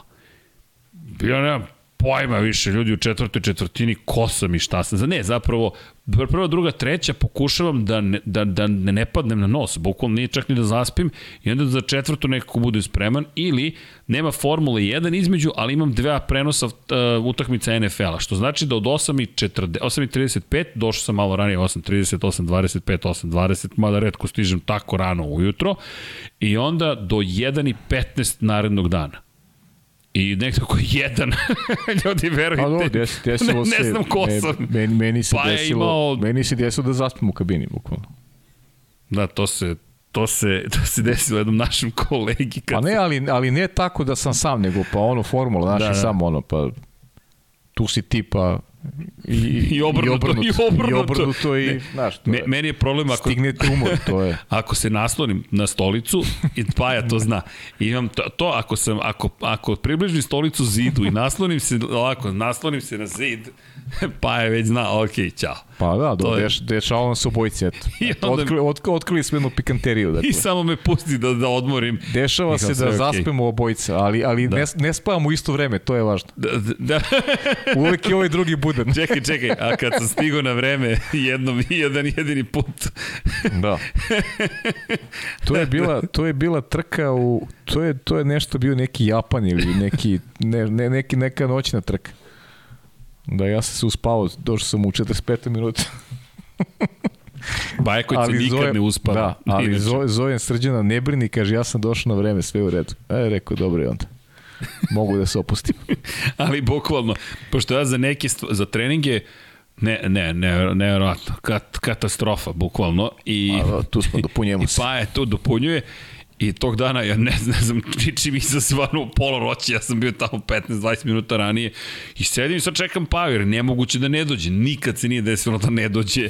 I ako, ok, sad ne znam šta da radim. Ok, ajde, komentarišem na taj trening broj 1, na primjer, 1 od 2 ujutro i pa se pojavljaju u ne- u nekom trenutku i, i kao da buraziru, kaže sve je u redu, ne bridi. Došao sam na vreme, sve u redu. Tako je. E, da, evo, da li će biti prenosa Formule W sledeće godine? Nemamo pojma. Nadamo se, zaista. E da, znaš šta smo zaboravili? Trke Formule 2, trke Formule 3, to podsjeća Boško Desančić. Dakle, izvinjam kako, se. Kako smo zaboravili, ne razumem. Ne, ne, da brojimo koliko trka A, ćemo koliko ima prenositi. trka sledeće godine? Da, da, da. U, čekaj, čekaj. Ali ako imam, še, dakle, imam 42 MotoGP-a, plus 21 Moto dvojki, to je 63, 84 kad dodam Moto trojke, kad dodam Moto E, verovatno 95 jedno trka motora, plus 24 dakle 120 i nešto trka, pa dodaj malo sprint kvalifikacije jedno 130, plus dodaj duple vikende, jedno 18, pa dobro, negde oko 160 trka sledeće godine. Sa trojkama i dvojkama. Da, I da se tu udine neki naskar, pa da. neki DTM. neke sitnice tako, neki evropski šampionat Evrope ili nešto. Da, da. Biće da, veselo. Da, biće veselo. A, kaže, završili ste DIF za sportskog komentatora. A, to je ozbiljno pitanje. Ne, ne, ne, ne, ne. Šta si diplomirao, pa ja? Pa isto što i ti. A, ništa. Dakle, nažalost, ljudi, evo ovako, moj otac nije hteo da ja radim kao novinar, pošto on sportski novinar bio i to uvek ostanete, živ, tu je, nadam se, u komentarima, ali on je bio protiv toga jer je rekao majci neće nikad diplomirati ako počne da radi kao sportski novinar. Ljudi, ovo je zarazan posao. Kada pričamo o tome Isto koliko priča. je lep, Isto priča. ne može niko, znam koliko mojih prijatelja je govorilo ti si lud, radiš subotom i nedeljom. Ljudi, ja, e, evo, evo, dakle, počeo, Pa im, imamo, pravo su, imamo dozu ludila, da. imamo dozu, ne, definitivno, i to dozu, jeste doza ludila, zaista. pa i dozu toga da smo zaglavljeni u srednjoj školi u kontekstu toga da kad, kad imate najviše vremena da gledate sportski događaj u srednjoj školi, osim ako vam to ne postane posao i onda je i vaše ponašanje često u skladu sa time, ali nismo mi neozbiljni ljudi, samo prosto smo našli sebi I način da budemo mi smo obojica krenuli u pisanim medijima. Mi, Da. smo, mi smo se bavili drugom vrstom novinarstva. I to isto mediji smo počeli da radimo. Znali smo se mnogo pre nego što je nas je spojila Formula 1. Negde u istom periodu smo otprilike i počeli. Ajde, recimo da to bude neki isti period. A okolnosti su nas dovele do, do ovoga što radimo danas. Prosto, Jeste. prosto pisani mediji je da se ne ljute moje kolege, ali jedna pomalo već i prevaziđena forma. Naši očevi su počinjeni dan tako što svi kupe sva izdanja Tako novina je. Na kioscima, a danas se novine mnogo manje čitaju. Ljudi sada su ti portali i ne znam, možda se informišeš prek, ono, imaš telefon pa Društvene mreže, aplikacije, društvene mreže i tako dalje, a ipak ova tele, Drugačije. televizijska forma je ovaj, mnogo sada prihvatljivija i prosto smo morali Pa. i sami negde da se ovaj da se usmerimo drugačije. čekaj, evo nas na. YouTube-u. Pa da, to je to. Ako mogu da pohvalim Paju i sebe i sve nas koji smo ovde u studiju, dakle, mi smo rešili bez obzira na godine da idemo na ono što je sledeća forma. Pa da, to je Čak smo i dugo ne, čekali Ne, ne, ne, možeš, ne možeš drugačije. Da. Pa da, morate da napredujete. Koliko god mi volimo, na primjer, V8 motore, znamo, svesni smo da se atmosferci ne vraćaju. Prosto svet je otišao nekim drugim putem, ali mi i dalje u Formuli 1 vidimo Pa to je, nevratnu da, lepotu. to je ono što pričamo vezano i za te, za te neke ta vremena, ja, ja to volim da ponavljam, ovaj, kao su nekad vremena bila bolje i uvijek, uvijek mi je onako bilo muka od, od tih roditeljskih pridika da je u njihovo vreme sve bilo bolje. Pa nije, svako vreme je najbolje vreme i treba, i treba ga živjeti, ne vraćati se unazad, nego pratiti ono što, što ti vreme daje, taj moment koji živiš, da probaš da uzmeš od toga najviše što možeš i da i da guraš. E, Pa tako smo se mi prilagodili u ovoj televizijskoj Pa da.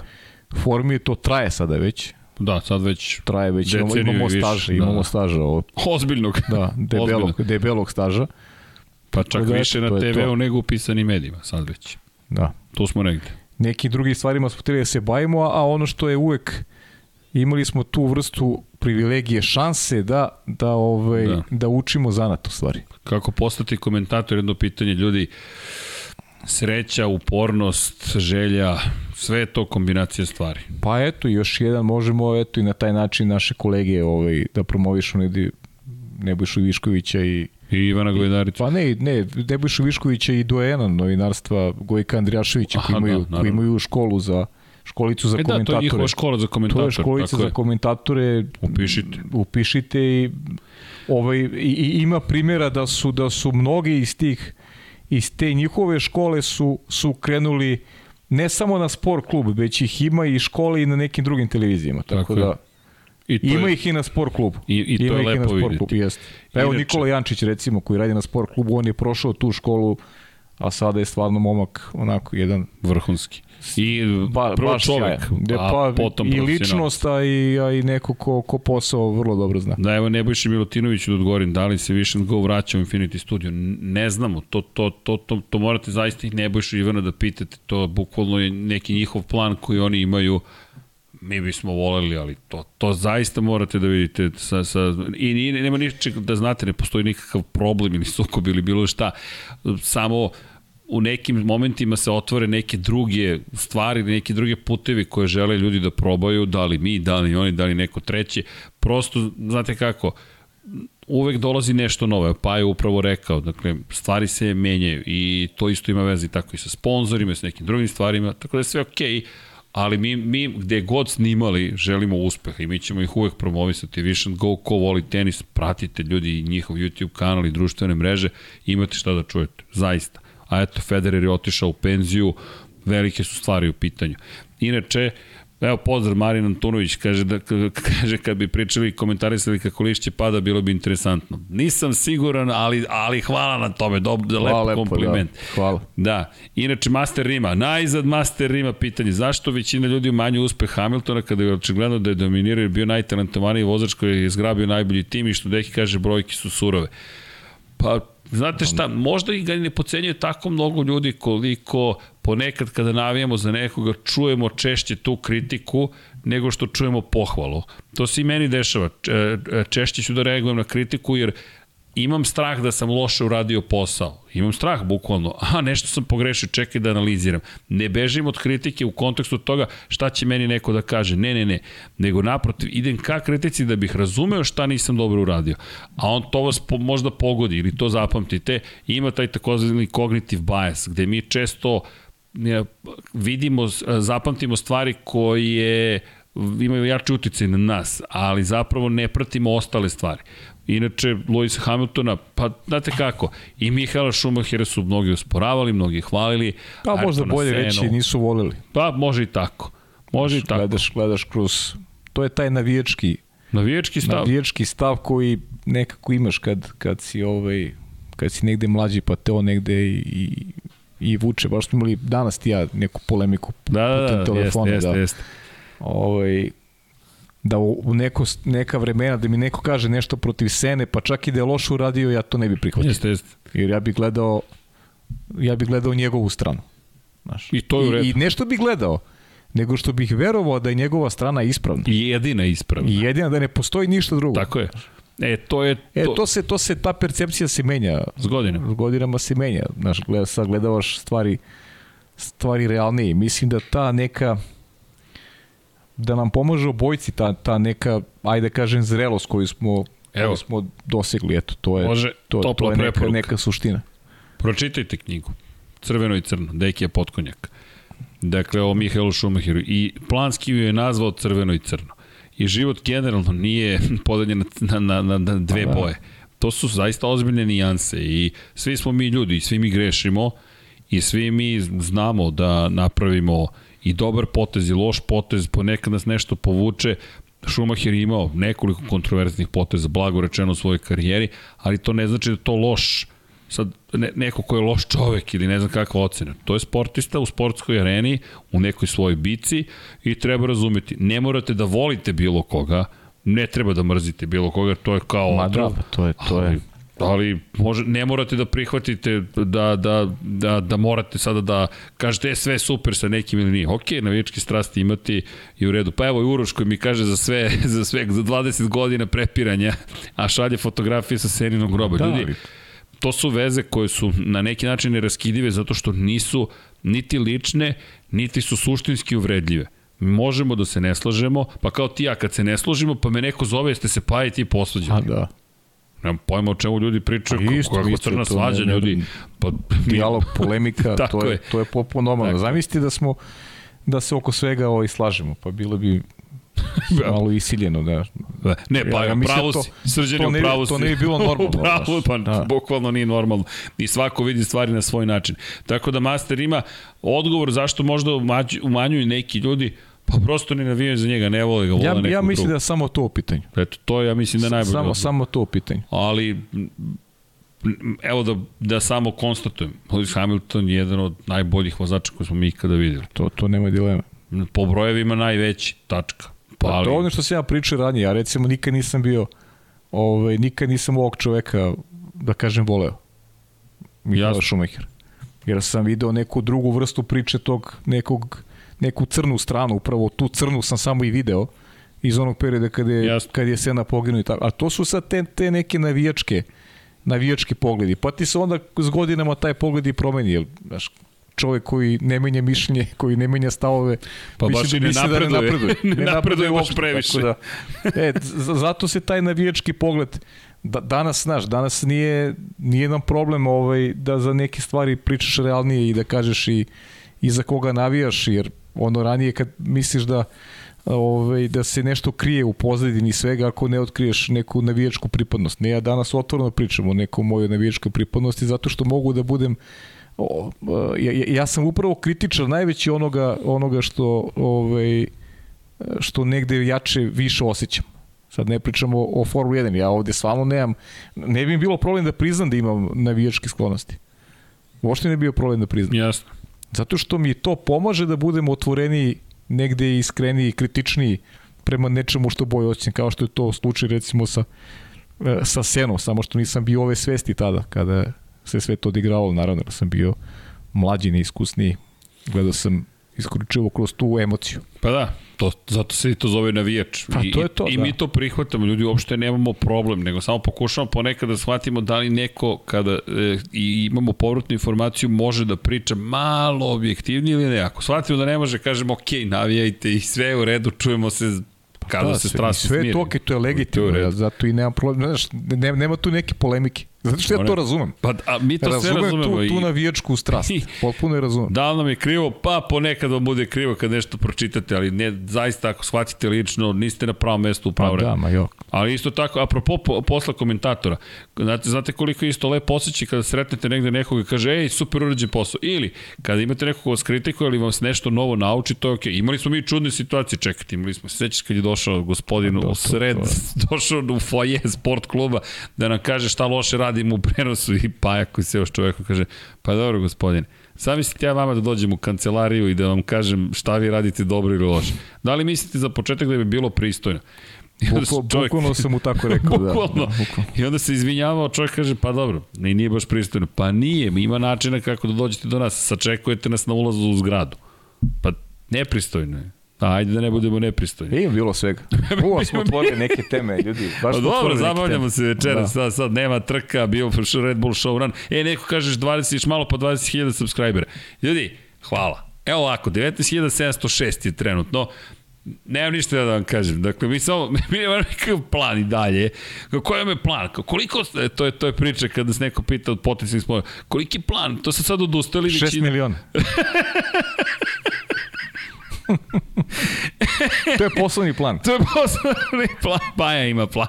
E, koliko? Polako, napredujemo. Ljudi, Idemo napredujemo. korak po korak. Dogod nas vi podržavate, hvalite i govorite, hvalite. Govorite nam da radimo dobar posao, znači da smo na dobrom putu. E, i kritikujete. I Da. kritikujete, pa mora kritika. Prava kritika, to najviše volim da čujem. Uh, ka, čujte mi, ako je neko strog prema sebi, to smo nas dvojice, svakako. Najbolja kritika kad ti neko Ali kad ti da argumente i kad ti objasni šta... A ne samo to, ja volim i kad, znaš, ono, pogrešiš normalno, pa obožavam kad dobijem ovaj, ispravku Da, da, da. i volim da je podelim u A ne, to je sekundu. drugo, to je, pa ne, I, ne, i činjenicu. kritika i greška, u, Tako je. obožavam to. Pa ne, činjenice, fa, faktič, fakto, faktički kad nešto pogrešim, kad je činjenično pogrešno, da. ljudi, hvala vam koliko puta su, ali moram da kažem, želim da pohvalim i Paju, a i sebe, zašto? Zato što smo mi pre 10 godina rekli, znate šta, mi ćemo sada da napravimo crowd commentating. I to spomenjem često u nekim tako ajde predavanjima šta god. Šta to znači? Nismo pobegli od publike nego smo se okrenuli vama da nam pomognete da budemo bolji. Jer Aha. Nema, ne, ne sme da bude te sujete. Sad će meni rekao, ne, pomozite nam da budemo bolji. Znate kako, kada sam prvi, kada sam video pre tri godine, dve zapravo, u Orlandu, kako izgleda iza kulisa prenosa NFL-a, tad sam shvatio, to su koje prati 90 yardi čuo, shvatio da smo uradili fenomenalnu stvar.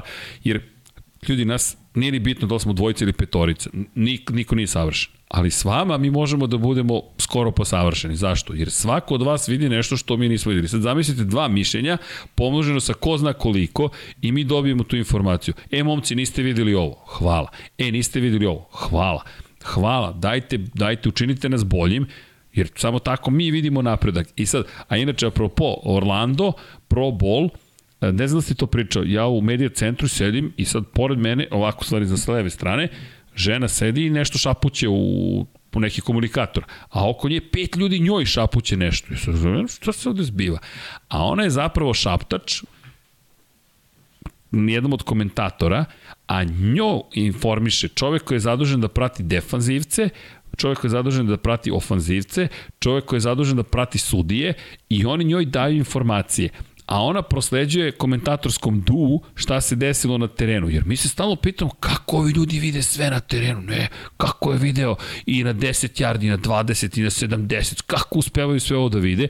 A onda mi sebe pokušamo, znaš i sam, Inače, mi nemamo šaptače, dakle, ne postoji glas za nas u Formuli 1, Formuli 2, Formuli 3. Formuli 2, Formuli 3 postoji, mi ga ugasimo. Jer nama to ne, mi to ne Da, da. želimo, nama to ne treba. Ali ovde gledam, Rekao, čekaj, zato su toliko pametni, ali to je okej, okay, to je deo show biznisa i onda shvatiš, čekaj, ali mi imamo zato publiku. Pa ne, znaš, znaš kako, to, to Fenomenalno. ti ja pričamo često, ja, ja zaista tako mislim, zato to, zato to i delim.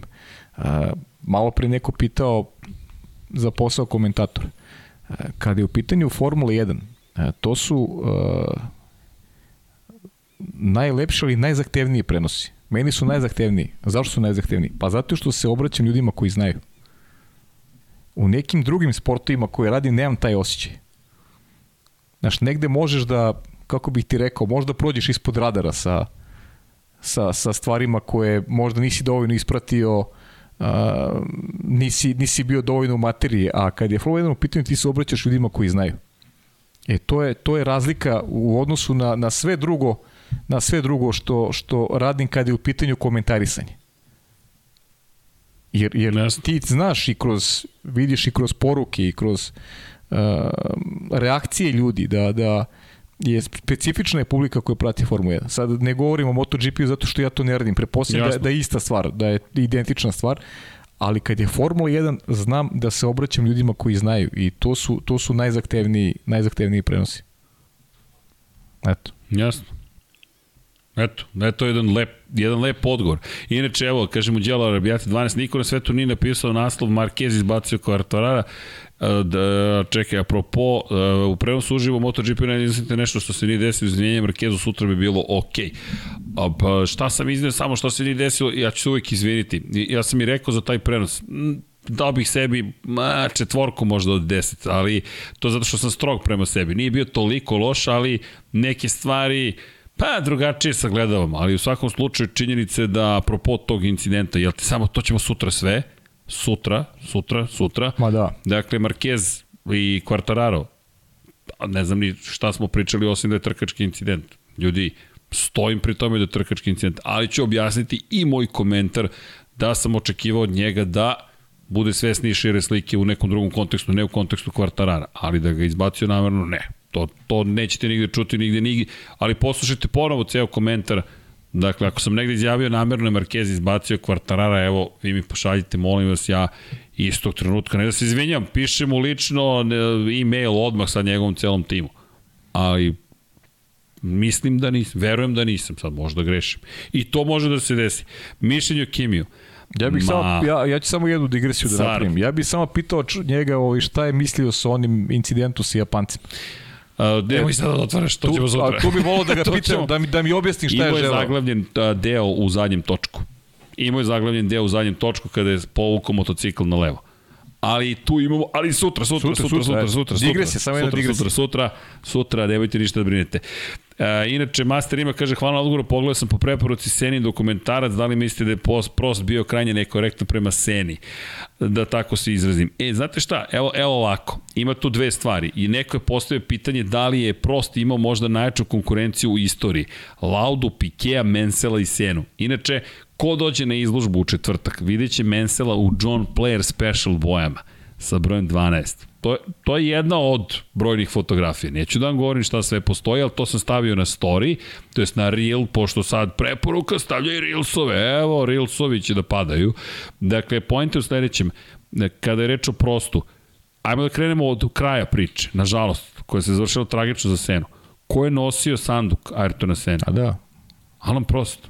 A meni, meni, je, meni je to onako promenilo dimenziju, a on je prosto, prosto je prost, naravno, koristio ovaj politiku koju ima u sebe. Tako je. Gledali ste film, pa ne treba da ništa da se pojašnjava ovaj, dodatno, tako da je obilato koristio politiku koja je bila na njegovoj strani. I Sena je, Sena je tu bio na jednoj onako ozbiljnoj, ozbiljnoj vetrometini i onako sam proti svih, bukvalno. To je tako izgledao taj rat. Pa, Ja i dalje, ja i dalje mislim, ja i, i uvek ću, mislim, pazi, to, to je sad neki, neko moje mišljenje. Talentovaniji vozač od Artuna Sene mislim da se nikad nije pojavio. To, to je, eto, to je, kaže, moje mišljenje. I u toj eri sa prostom ona jedna titula koja je bukvalno onako prostu izvolite. Dobio je, dobio je na račun ovaj Ali čoveka ironija. koji je, koji je vodio celu priču ovaj, ali politika, klasična politika. Da, Politika ali- koja je bila još više izražena, mislim da ta situacija ne može da se poredi sa ono što smo gledali prošle godine gde je bilo naginjanja i na jednu i na drugu stranu. Dakle, ne može Lewis Hamilton da kaže da, da, da, je, da je bio cvećka u celoj priči, da je samo on oštećen cele godine. Znamo kako se odvijala ce, ceo proces. Ovde, ovde je sve rađeno za, na Za račun- Alana Prosta. Za Alana Prosta. u korist. E, samo da znate, Žanu Mario Balestru nije smetao Sena per se, što se kaže, sam po sebi. Pa da. On je samo smetao u kontekstu toga što može da oduzme titulu Alanu Prostu. Nije to bilo lično Jeste. protiv Sene, nego lično protiv čoveka koji ugrožava francuskog šampiona. I to je to. Da je to bio Mensel i sa njim bi isto postupio tako. Ali Jean-Marie Balestre, evo jedan od komentara da je loš bio. Bio je katastrofalan. To je toliko nepristojan čovek, jedan nevaspitan čovek Jest, jest. koji, se ljudima, koji se vozačima Formule 1 obraćao kao da su životinje. On je tako ih... U suštini Ayrton Sena se njemu obraća onako kako je zasluživao da mu se obraća. Tako je. I to su imali ste prilike vidjeti i kako su izgledale te seanse na, na koje je ovo imao Bal- Balestri sa vozačima. Sena koji je bio onako prilično, prilično onako je egzatan u Pa komunikaciji. Pa ne, u nekim situacijama čak i bezobrazan. Shodno onome što je čovek zaslužio. Tako je. Ali, ali, apropo prosta, samo da odvojimo opet crno-beli svet. Nije crno-beli, to je ne, da. sivo, ljudi, to je mešavina. Alan Prost je jedan od najboljih vozača svih vremena. Ljudi, 51 Jeste. pobjeda u ono doba. Četiri titule šampiona sveta. Čovek koji u malo s Ferrarijem nije osvojio titulu. On se protiv Sene borio, ne znam, zaboraviti tu sezonu 1990. Jeste, godine. jeste. I, I kraj, naravno, čuvena Suzuka kada se Sene samo nastavio pravo u njega. Ali Alan Prost kao vozač, neverovatan proračunat, profesor su ga zvali, on završi trku i jedva ima goriva u bolidu, tad je to smelo. Dakle, čovek koji je znao sve šta treba da učini. Sjetite se, evo, ali ironija, Monako 1985. On maše, zaustavite trku, zaustavite trku, jer on zna da gubi jer stiže Ayrton Sena, ali pošto zaustavlja trku dobija pola poena. Šta mu na kraju nedostaje pr- protiv Nike Da, ne Laude? uzima titulu, da. ne uzima titulu zahvaljujući toj trci u Monaku. Tako da, znate kako, neku dobijete bitku, neku bitku To nema u filmu, to nema u filmu, To ali, nema u filmu. ali je da, super ovaj, srđan to dodao, čisto eto da se zna dodatak na film šta je izgubio Alan Prost zbog toga što je tražio se prekine trk. Jer nije mogo da podnese da izgubi od nekog anonimusa da izgubi ovaj, onu trku po kiši u Monaku.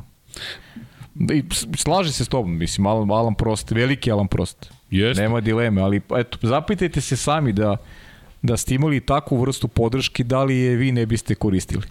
Pa, to je čuveno To je- pitanje. to je- to je- Čekaj, ajde uđi to u je njegove pitanje, cipele. Pitanje svih pitanja, da. Ali onda pokazuje, da. pokazuje nešto što neki drugi nisu pokazali, ljud, ljudskost. Dakle, on je i upravo ta scena, ko nosi, ko prvi nosi kovčeg Ayrtona Sene, Ayrton- nosi ga, Alan nosi Prost. ga Alan Prost. Po izboru porodice Artona Sene. Tako je. I sestra Vivian je rekla Alan Prost. I, i, i između njih je... Inače, ajmo ovako, Ivo Master Rima kaže da je Sena uradio to što je nastavio pravo u prosto zato što su stavili na pogrešnu stranu. Nema potrebe da opravdavate Senu. Ma da, ma da. Ljudi, ta, ta manda je to uradio iz bilo kog razloga, samo da bi uradio, ne, nema potrebe za opravdavanjem. Sam Sena je uradio nešto što je suprotno njegovim vrednostima. Zamislite samo taj konflikt i to, je, to se lepo u dokumentarcu vidi. Tako da ne, ja mu ne tražimo opravdanje zašto je to učinio. Da, bilo je nepravdi i raznoraznih. da. Ali ljudi, to je deo istorije opet. Evo, evo, možeš mi da daš, molim te. Dakle, evo, šta stoji 40 godina kasnije, 30 zapravo. Sena prosto. A da. Ljudi, Sena prosto. Dakle, ali... Obeležilo eru Formula 1 i, i dan danas, evo, pričamo i dan danas o O, tom. tako je. I još jedna bitna stvar. Gledanost Formule 1, ako vam zvuči Jeste. poznato, je skočila posle duela 1988 Jeste. između Sena i Prosta. Tada je postala globalni fenomen. Njihovim duelom. Jel vam zvuči poznato? Kada se vratila na poziciju globalnog fenomena Formule 1? Hamilton Verstappen. Pa to je ono što je govorimo Tačka. stalno ovde i to je neka priča koju širimo. Oni su najvažniji, oni prave priču. Akteri. I, što je više rivalstava, što je više boljih boljih vozača, imaćemo, imaćemo bolje takmičenje. Da, evo i Alan Jasenović kaže, Jasenović, dobro je pogledati podcast sa Nikom Rozgorom i Alanom Prostom vredi. Apsolutno, Da, da, pogledajte, pa naravno. poslušajte te priče, Naravno. pogotovo iz ove perspektive i kada je reč o profesoru, Prost jeste bio apsolutno, apsolutno čovjek je bio neverovatan, za šta, kako su oni vozili, u kojem do... I to se zaboravlja, pošto je on imao taj profesorski stil. To je i dalje čovjek koji mora da upravlja sa MP44 sa bolidom koji nema kontrolu A ne ono što si rekao Ferrari, ta, ta bitka Ferrarija i to je stvarno bila epska bitka. Neverovatno. Da, evo, Bane, ubrzanje, šta mislimo o trkama u SAD i o tome što ih žele još? Ja mislim da to apsolutno ne koje je vaše mišljenje. Pa ne bih rekao užas. Problem nisu meni trke u SAD. Problem je što dolazimo u to da je to a, podrazumeva da neka trka druga nestane iz kalendara. Nema problem sa Amerikom. Dakle, naprotiv, američke trke mogu da budu super zabavne, ali je stvar u tome što dolazimo do toga da ćemo uskoro imati 30 trka što to više neće ličiti nužno na Formulu 1 i što ili ćemo ostati bez klasičnih trka koje su za sada spašene, ali ko vam garantuje da za tri godine nećemo ostati bez Spa, bez Monce, bez Monaka. I sad, nisam za to da sve mora da bude po starom, ali neke stvari moraju se očuvaju. Neke stvari moraju, bukvalno. Inače, F1 Krop pita zašto nema sažetka Formula 1 na YouTube-u, na SK kao drugih sportova. Ne znam, mislim da je do prava iskreno, ali ću proveriti. Nije do naše lenjosti, verujte, dakle, to, to sigurno. Ja moram kažem da nemam, naravno, nemam ništa ni protiv jedne zemlje, imam protiv amerikanizacije sporta generalno, globalnom nivou. Pa, eto, koga zanima malo tema, neka, neka pogleda malo i ovaj, kako izgledaju i futbolski klubovi širom Evrope ta neka vlasnička struktura i u, i u kom, u kom ovoj pravcu ide, ide cela priča. Meni se taj pravac ne dopada, pa isto tako ovaj, ne dopada mi se da, da nestaju neke trke ovaj, iz kalendara, da se pojavljuju i to kao po pravilu neke ulične trke ovaj širom Amerike. Tako da eto, to meni se iskreno ne sviđa. E, Ali ne zato što volio bih da recimo Watkins Glen može da da se oživi i da bude ovaj u šampionatu Formule 1. Ja bih digao odmah dva prsta za Watkins Glen, ali da gledamo da gledamo trke po, ne znam, nekim stadionima gde se igra američki futbol ili tako nešto, to mi stvarno nije ovaj, previše interesantno. Inače, evo, jedna konstatacija, kaže, meni se ne vraća na, na Formulu 1, ja sam i dalje pod upiskom Red Bull Show Momčilo Spasinovski, hvala Momčilo. Inače, Ahmed kaže, ESPN piše da će utrka u Las Vegasu biti u subotu, tek četvrti put u istoriji. Ahmede, da vrlo moguće video, video sam već i odgovor neko je odgovorio na, na, na kanalu da je to usled razlike u vremenskom zapravo u vremenskim zonama. Da, evo Boško Desančić. Pa da, to je to smo pričali već u jednom od podcasta kada se spominjao Las Vegas kao šta je poenta? U Vegasu hoće noćnu Ne znam da li je neko bio u Vegasu. Sticamo okolnosti bio sam u Las Vegasu i izašao sa 5 dolara plusa. Te, te, te. Zis ti pričao to? Pa ne mogu sad setim, ja pokušavam da dobacim. E, otišao sam na, na, na rulet, bio sam u fazonu, ok, unosim mojih 40 dolara i više od toga neću uneti u kazino jer sam se oprostio tih para i neću da trošim više. I nešto sam vrteo u krug, vrteo u krug i na kraju se završio sa 50 dolara i uzimam 5 dolara i na, James Bond fazon, i ovako bacam krupije u pet, kao, ovo je za tebi, on se sme, kao, hvala. Na 10% daš čoveku, to je red neki. Ali vidi, nikad manji zbir žetona ispred čoveka koji je tu sedeo pola sata i ništa pio piće. Pa i... ti, možda, ti možeš sebe da pohvališ da si jedan od redki koji je koji izašao u plus, to mi je bio cilj. Koji konačan, za je. konačan rezultat ima plus. Da pozdravimo našeg dragog gosta, Hard Rock Cafe, vidimo se. Ćao, prijatelj. Doviđenja.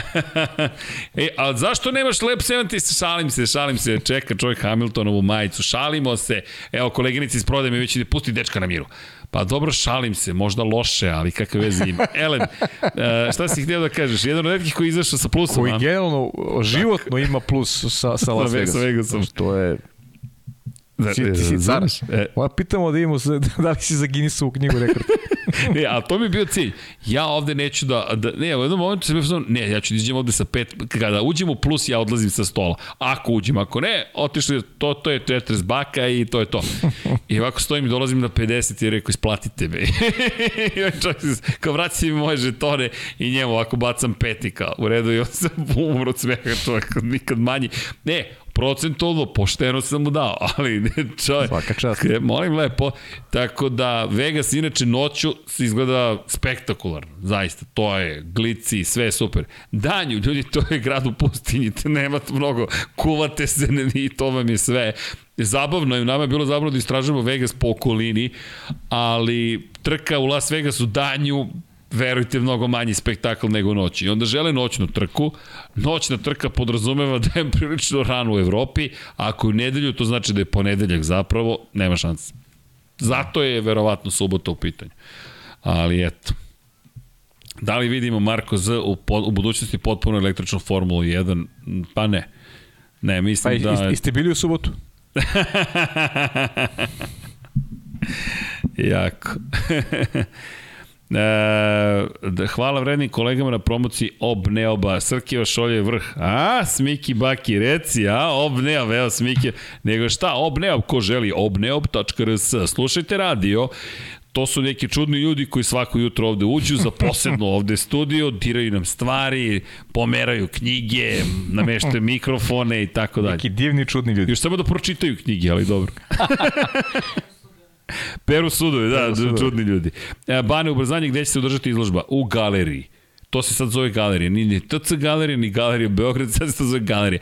Woodrow Wilson tamo dole gde je Beograd na vodi, dakle, ulaz broj 2, pa sa desne strane biće, ali biće super. Da, da šta- još imamo? Pa, Eto, lepo polako galerija, ima neki, ima neki, ajde da kažem i i simbolike. Kultura. Eto, da, pa da, ali eto, 24. i dve godine od, Da. od smrti našeg dragog Čikasukija, Srđana Da. Sulemanovića, tako da eto i njegove slike su obeležile ovaj, ajde kažem jednu eru kada pričamo o Formuli Jeste. 1.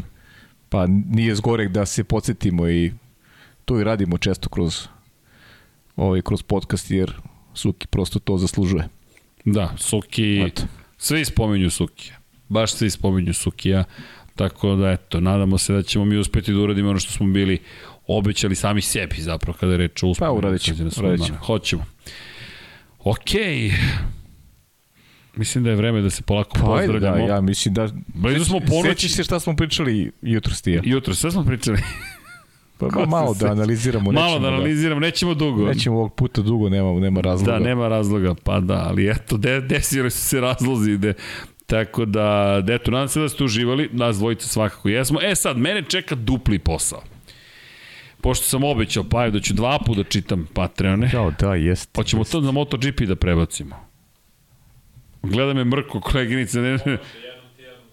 Jednom ja, jednom deki. Jao, Vanja, koliko si ti pametan. Jao, ovo je sjajno. Da citiram Paju. Jao. Ja. dakle, ljudi, prvo hvala za sve što nas pratite, podržavate, šaljete i kritike i lepe reči i šta god, dakle, prosto je zadovoljstvo, verujte, biti deo od cijele ove ekipe, mi smo, mi smo vaša ekipa, tako da Eto, i, i vi naša, nadam se. A, e, da dobili smo Darka Iliševića. Srki, jel voziš Beograd večeras? Donira čovjek 16 za 599 kuna za Lab 76 specijal, nisam bio video zapravo. Ali Darko, evo da odgovorim sada da li vozim Beograd. Pazi, Darko, tu možda ne bi napravio grešku. Nije duga staza.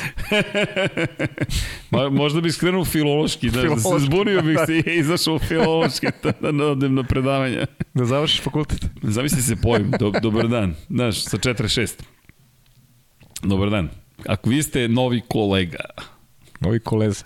e, sa kolegom da idem lepo 1. oktobra da se pojavi. Bilo bi su... A koji ste fakultet upisali? Uh, fon. Fon. Fon. Fon. To je Dobro. Šalim se, šalim se, mi, to su neki internet bez, besmislene šale. Šta god da studirate, ljudi, studirajte. Ej, moram da ti se pohvalim. Bio sam, ajde, da ne imenujem televiziju, na jednoj televiziji koje, pa su me prozivali da sam, da sam nešto, nije ni bitno, ali sam rekao, ljudi, Formula 1 mora se promoviše svugde. Zašto? Zato što zaslužuje da se promoviše. Pored toga, Formula 1 je za mene veličanje zapravo visokog obrazovanja i obrazovanja uopšte. Da biste stigli do Formule 1, morate da se obrazujete. FON, bitan je fakultet. Neko mora da organizuje 1200 ljudi u fabrici. 1200 ljudi radi u fabrici. Zamislite samo fabriku u bilo kojoj državi u kojoj živite, koji imaju 1200 zaposlenih. Neko mora da organizuje te ljude. Svaka čast. Zamislite inženjere mašinske koji tamo rade. Elektroinženjere. Zamislite dizajnere koji tamo rade. Zamislite ljude koji su iz marketinga, iz komunikacije. Za svakog ima mesta u Formuli 1. Šejla Čeberić neka vam bude inspiracija. Pitao sam je, smeš Šejla, smijem Šejla da spominjem tvoje ime kao inspiraciju? Rekla je, smeš. Samo nemoj da nešto izmišljaš. Ja rekao, kad ja izmišljam Šejla? Stvarno, možda preuveličavam, ali ne izmišljam. Tako da pozdrav za Šejlu Čeberić i hoću da vam kažem eto da, da je za mene to ta, ta vrsta inspiracije, dakle da treba da se školujemo i obrazujemo svi zajedno, pa ja nismo završili, to nije dobar primjer. Nije. Mi nismo ponosni na to. Odmah se razumemo. Mi to se šalimo jer da bi zapravo to nešto što nam je ostalo, što smo dužni sami sebi i jednog dana, ko zna, mo- možda i to izguramo, pa ako imamo Ne, ne, penziju. ne, ne. Nema šanse, a? Mrka kapa. Odmah ti kažem ne. Od tog filma nema ništa. Da, mislim, znaš. Ali nemojte vi to da uradite. Molimo vas, evo nas dvojica Sada smo. ne. Sve što si rekao stoji, ali sada ne. sad malo smo zakasnili, ali vi niste. Tako da studirajte ili možda i nismo zakasnili, ali studirajte, svakako završite, nemojte samo da studirate, diplomirajte, magistrirajte, doktorirajte i ko zna gde možete da stignete kada je reč o Formuli 1. Ima posla i za software developere da pišu simulacije, da pišu simulatore i imate stvari zaista mogućnosti milion u Formuli 1 i morate reći da sam ponosan što sam to promovisao kada je reč o, o Formuli 1. E sad, što se tiče onoga što radite vi za nas, svaki super chat, subscribe, like, join, patreon.com kroz Infinity Lighthouse, kupovina knjige, zaista jeste, vi ste deo ekipe samim tim, jer vi onda nama dozvoljavate i omogućujete da mi postojimo. Sim, jednostavno je, simple, sam da kažem, ali jednostavno je, a simpatično je definitivno. Pozivamo vas dakle, na otvaranje izlože sutra na MotoGP. Ko navija za Marka Markeza, nek se pojavi sutra. A i ko ne navija za Marka Markeza, neka se pojavi sutra. Svako udarite like, udarite subscribe volite svoje bližnje, mazite se i pazite se, budite dobri, pite čajeve od Nane, Paja nam je sada na Kamilica čaj. može, Može i kamilica, takođe, tako je. Kamilica dobra za, na primjer, ne znam, za inspiranje očiju kada uđete u vodu u Čile u kojoj je toliko salinizovana da zapravo piše nije za kupanje, ali vi uskočite jer ste, ne, ne čitate španski.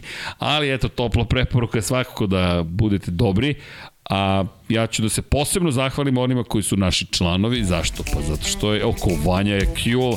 Vanja nam je na ostrem danas. O, Vanja, Vanja, šta se dešava u tvom životu? Osim što nema gela u frizuri, jeli, Vanja, šalim se, naravno, Vanja je. Ljudi, kako? Nema Luki i Kuzme večeras pa je chill. Prošlo evropsko prvenstvo. I udri, udrite like što je prošlo evropsko prvenstvo u košarci. Imamo naš studio. Daj sad. Nema Luki i Kuzme, nemojte to mi kažete. Ali imamo te Luku i Kuzmu da siromašne. Ob, ne, ob, tako sebe zovu. Šalo na stranu. Hvala. Hvala vam svima ljudi što ste nas pratili. Evo, oblače se omladina, prošla ponoć, ali on ne mora se javlja roditeljima, nije crnji školac.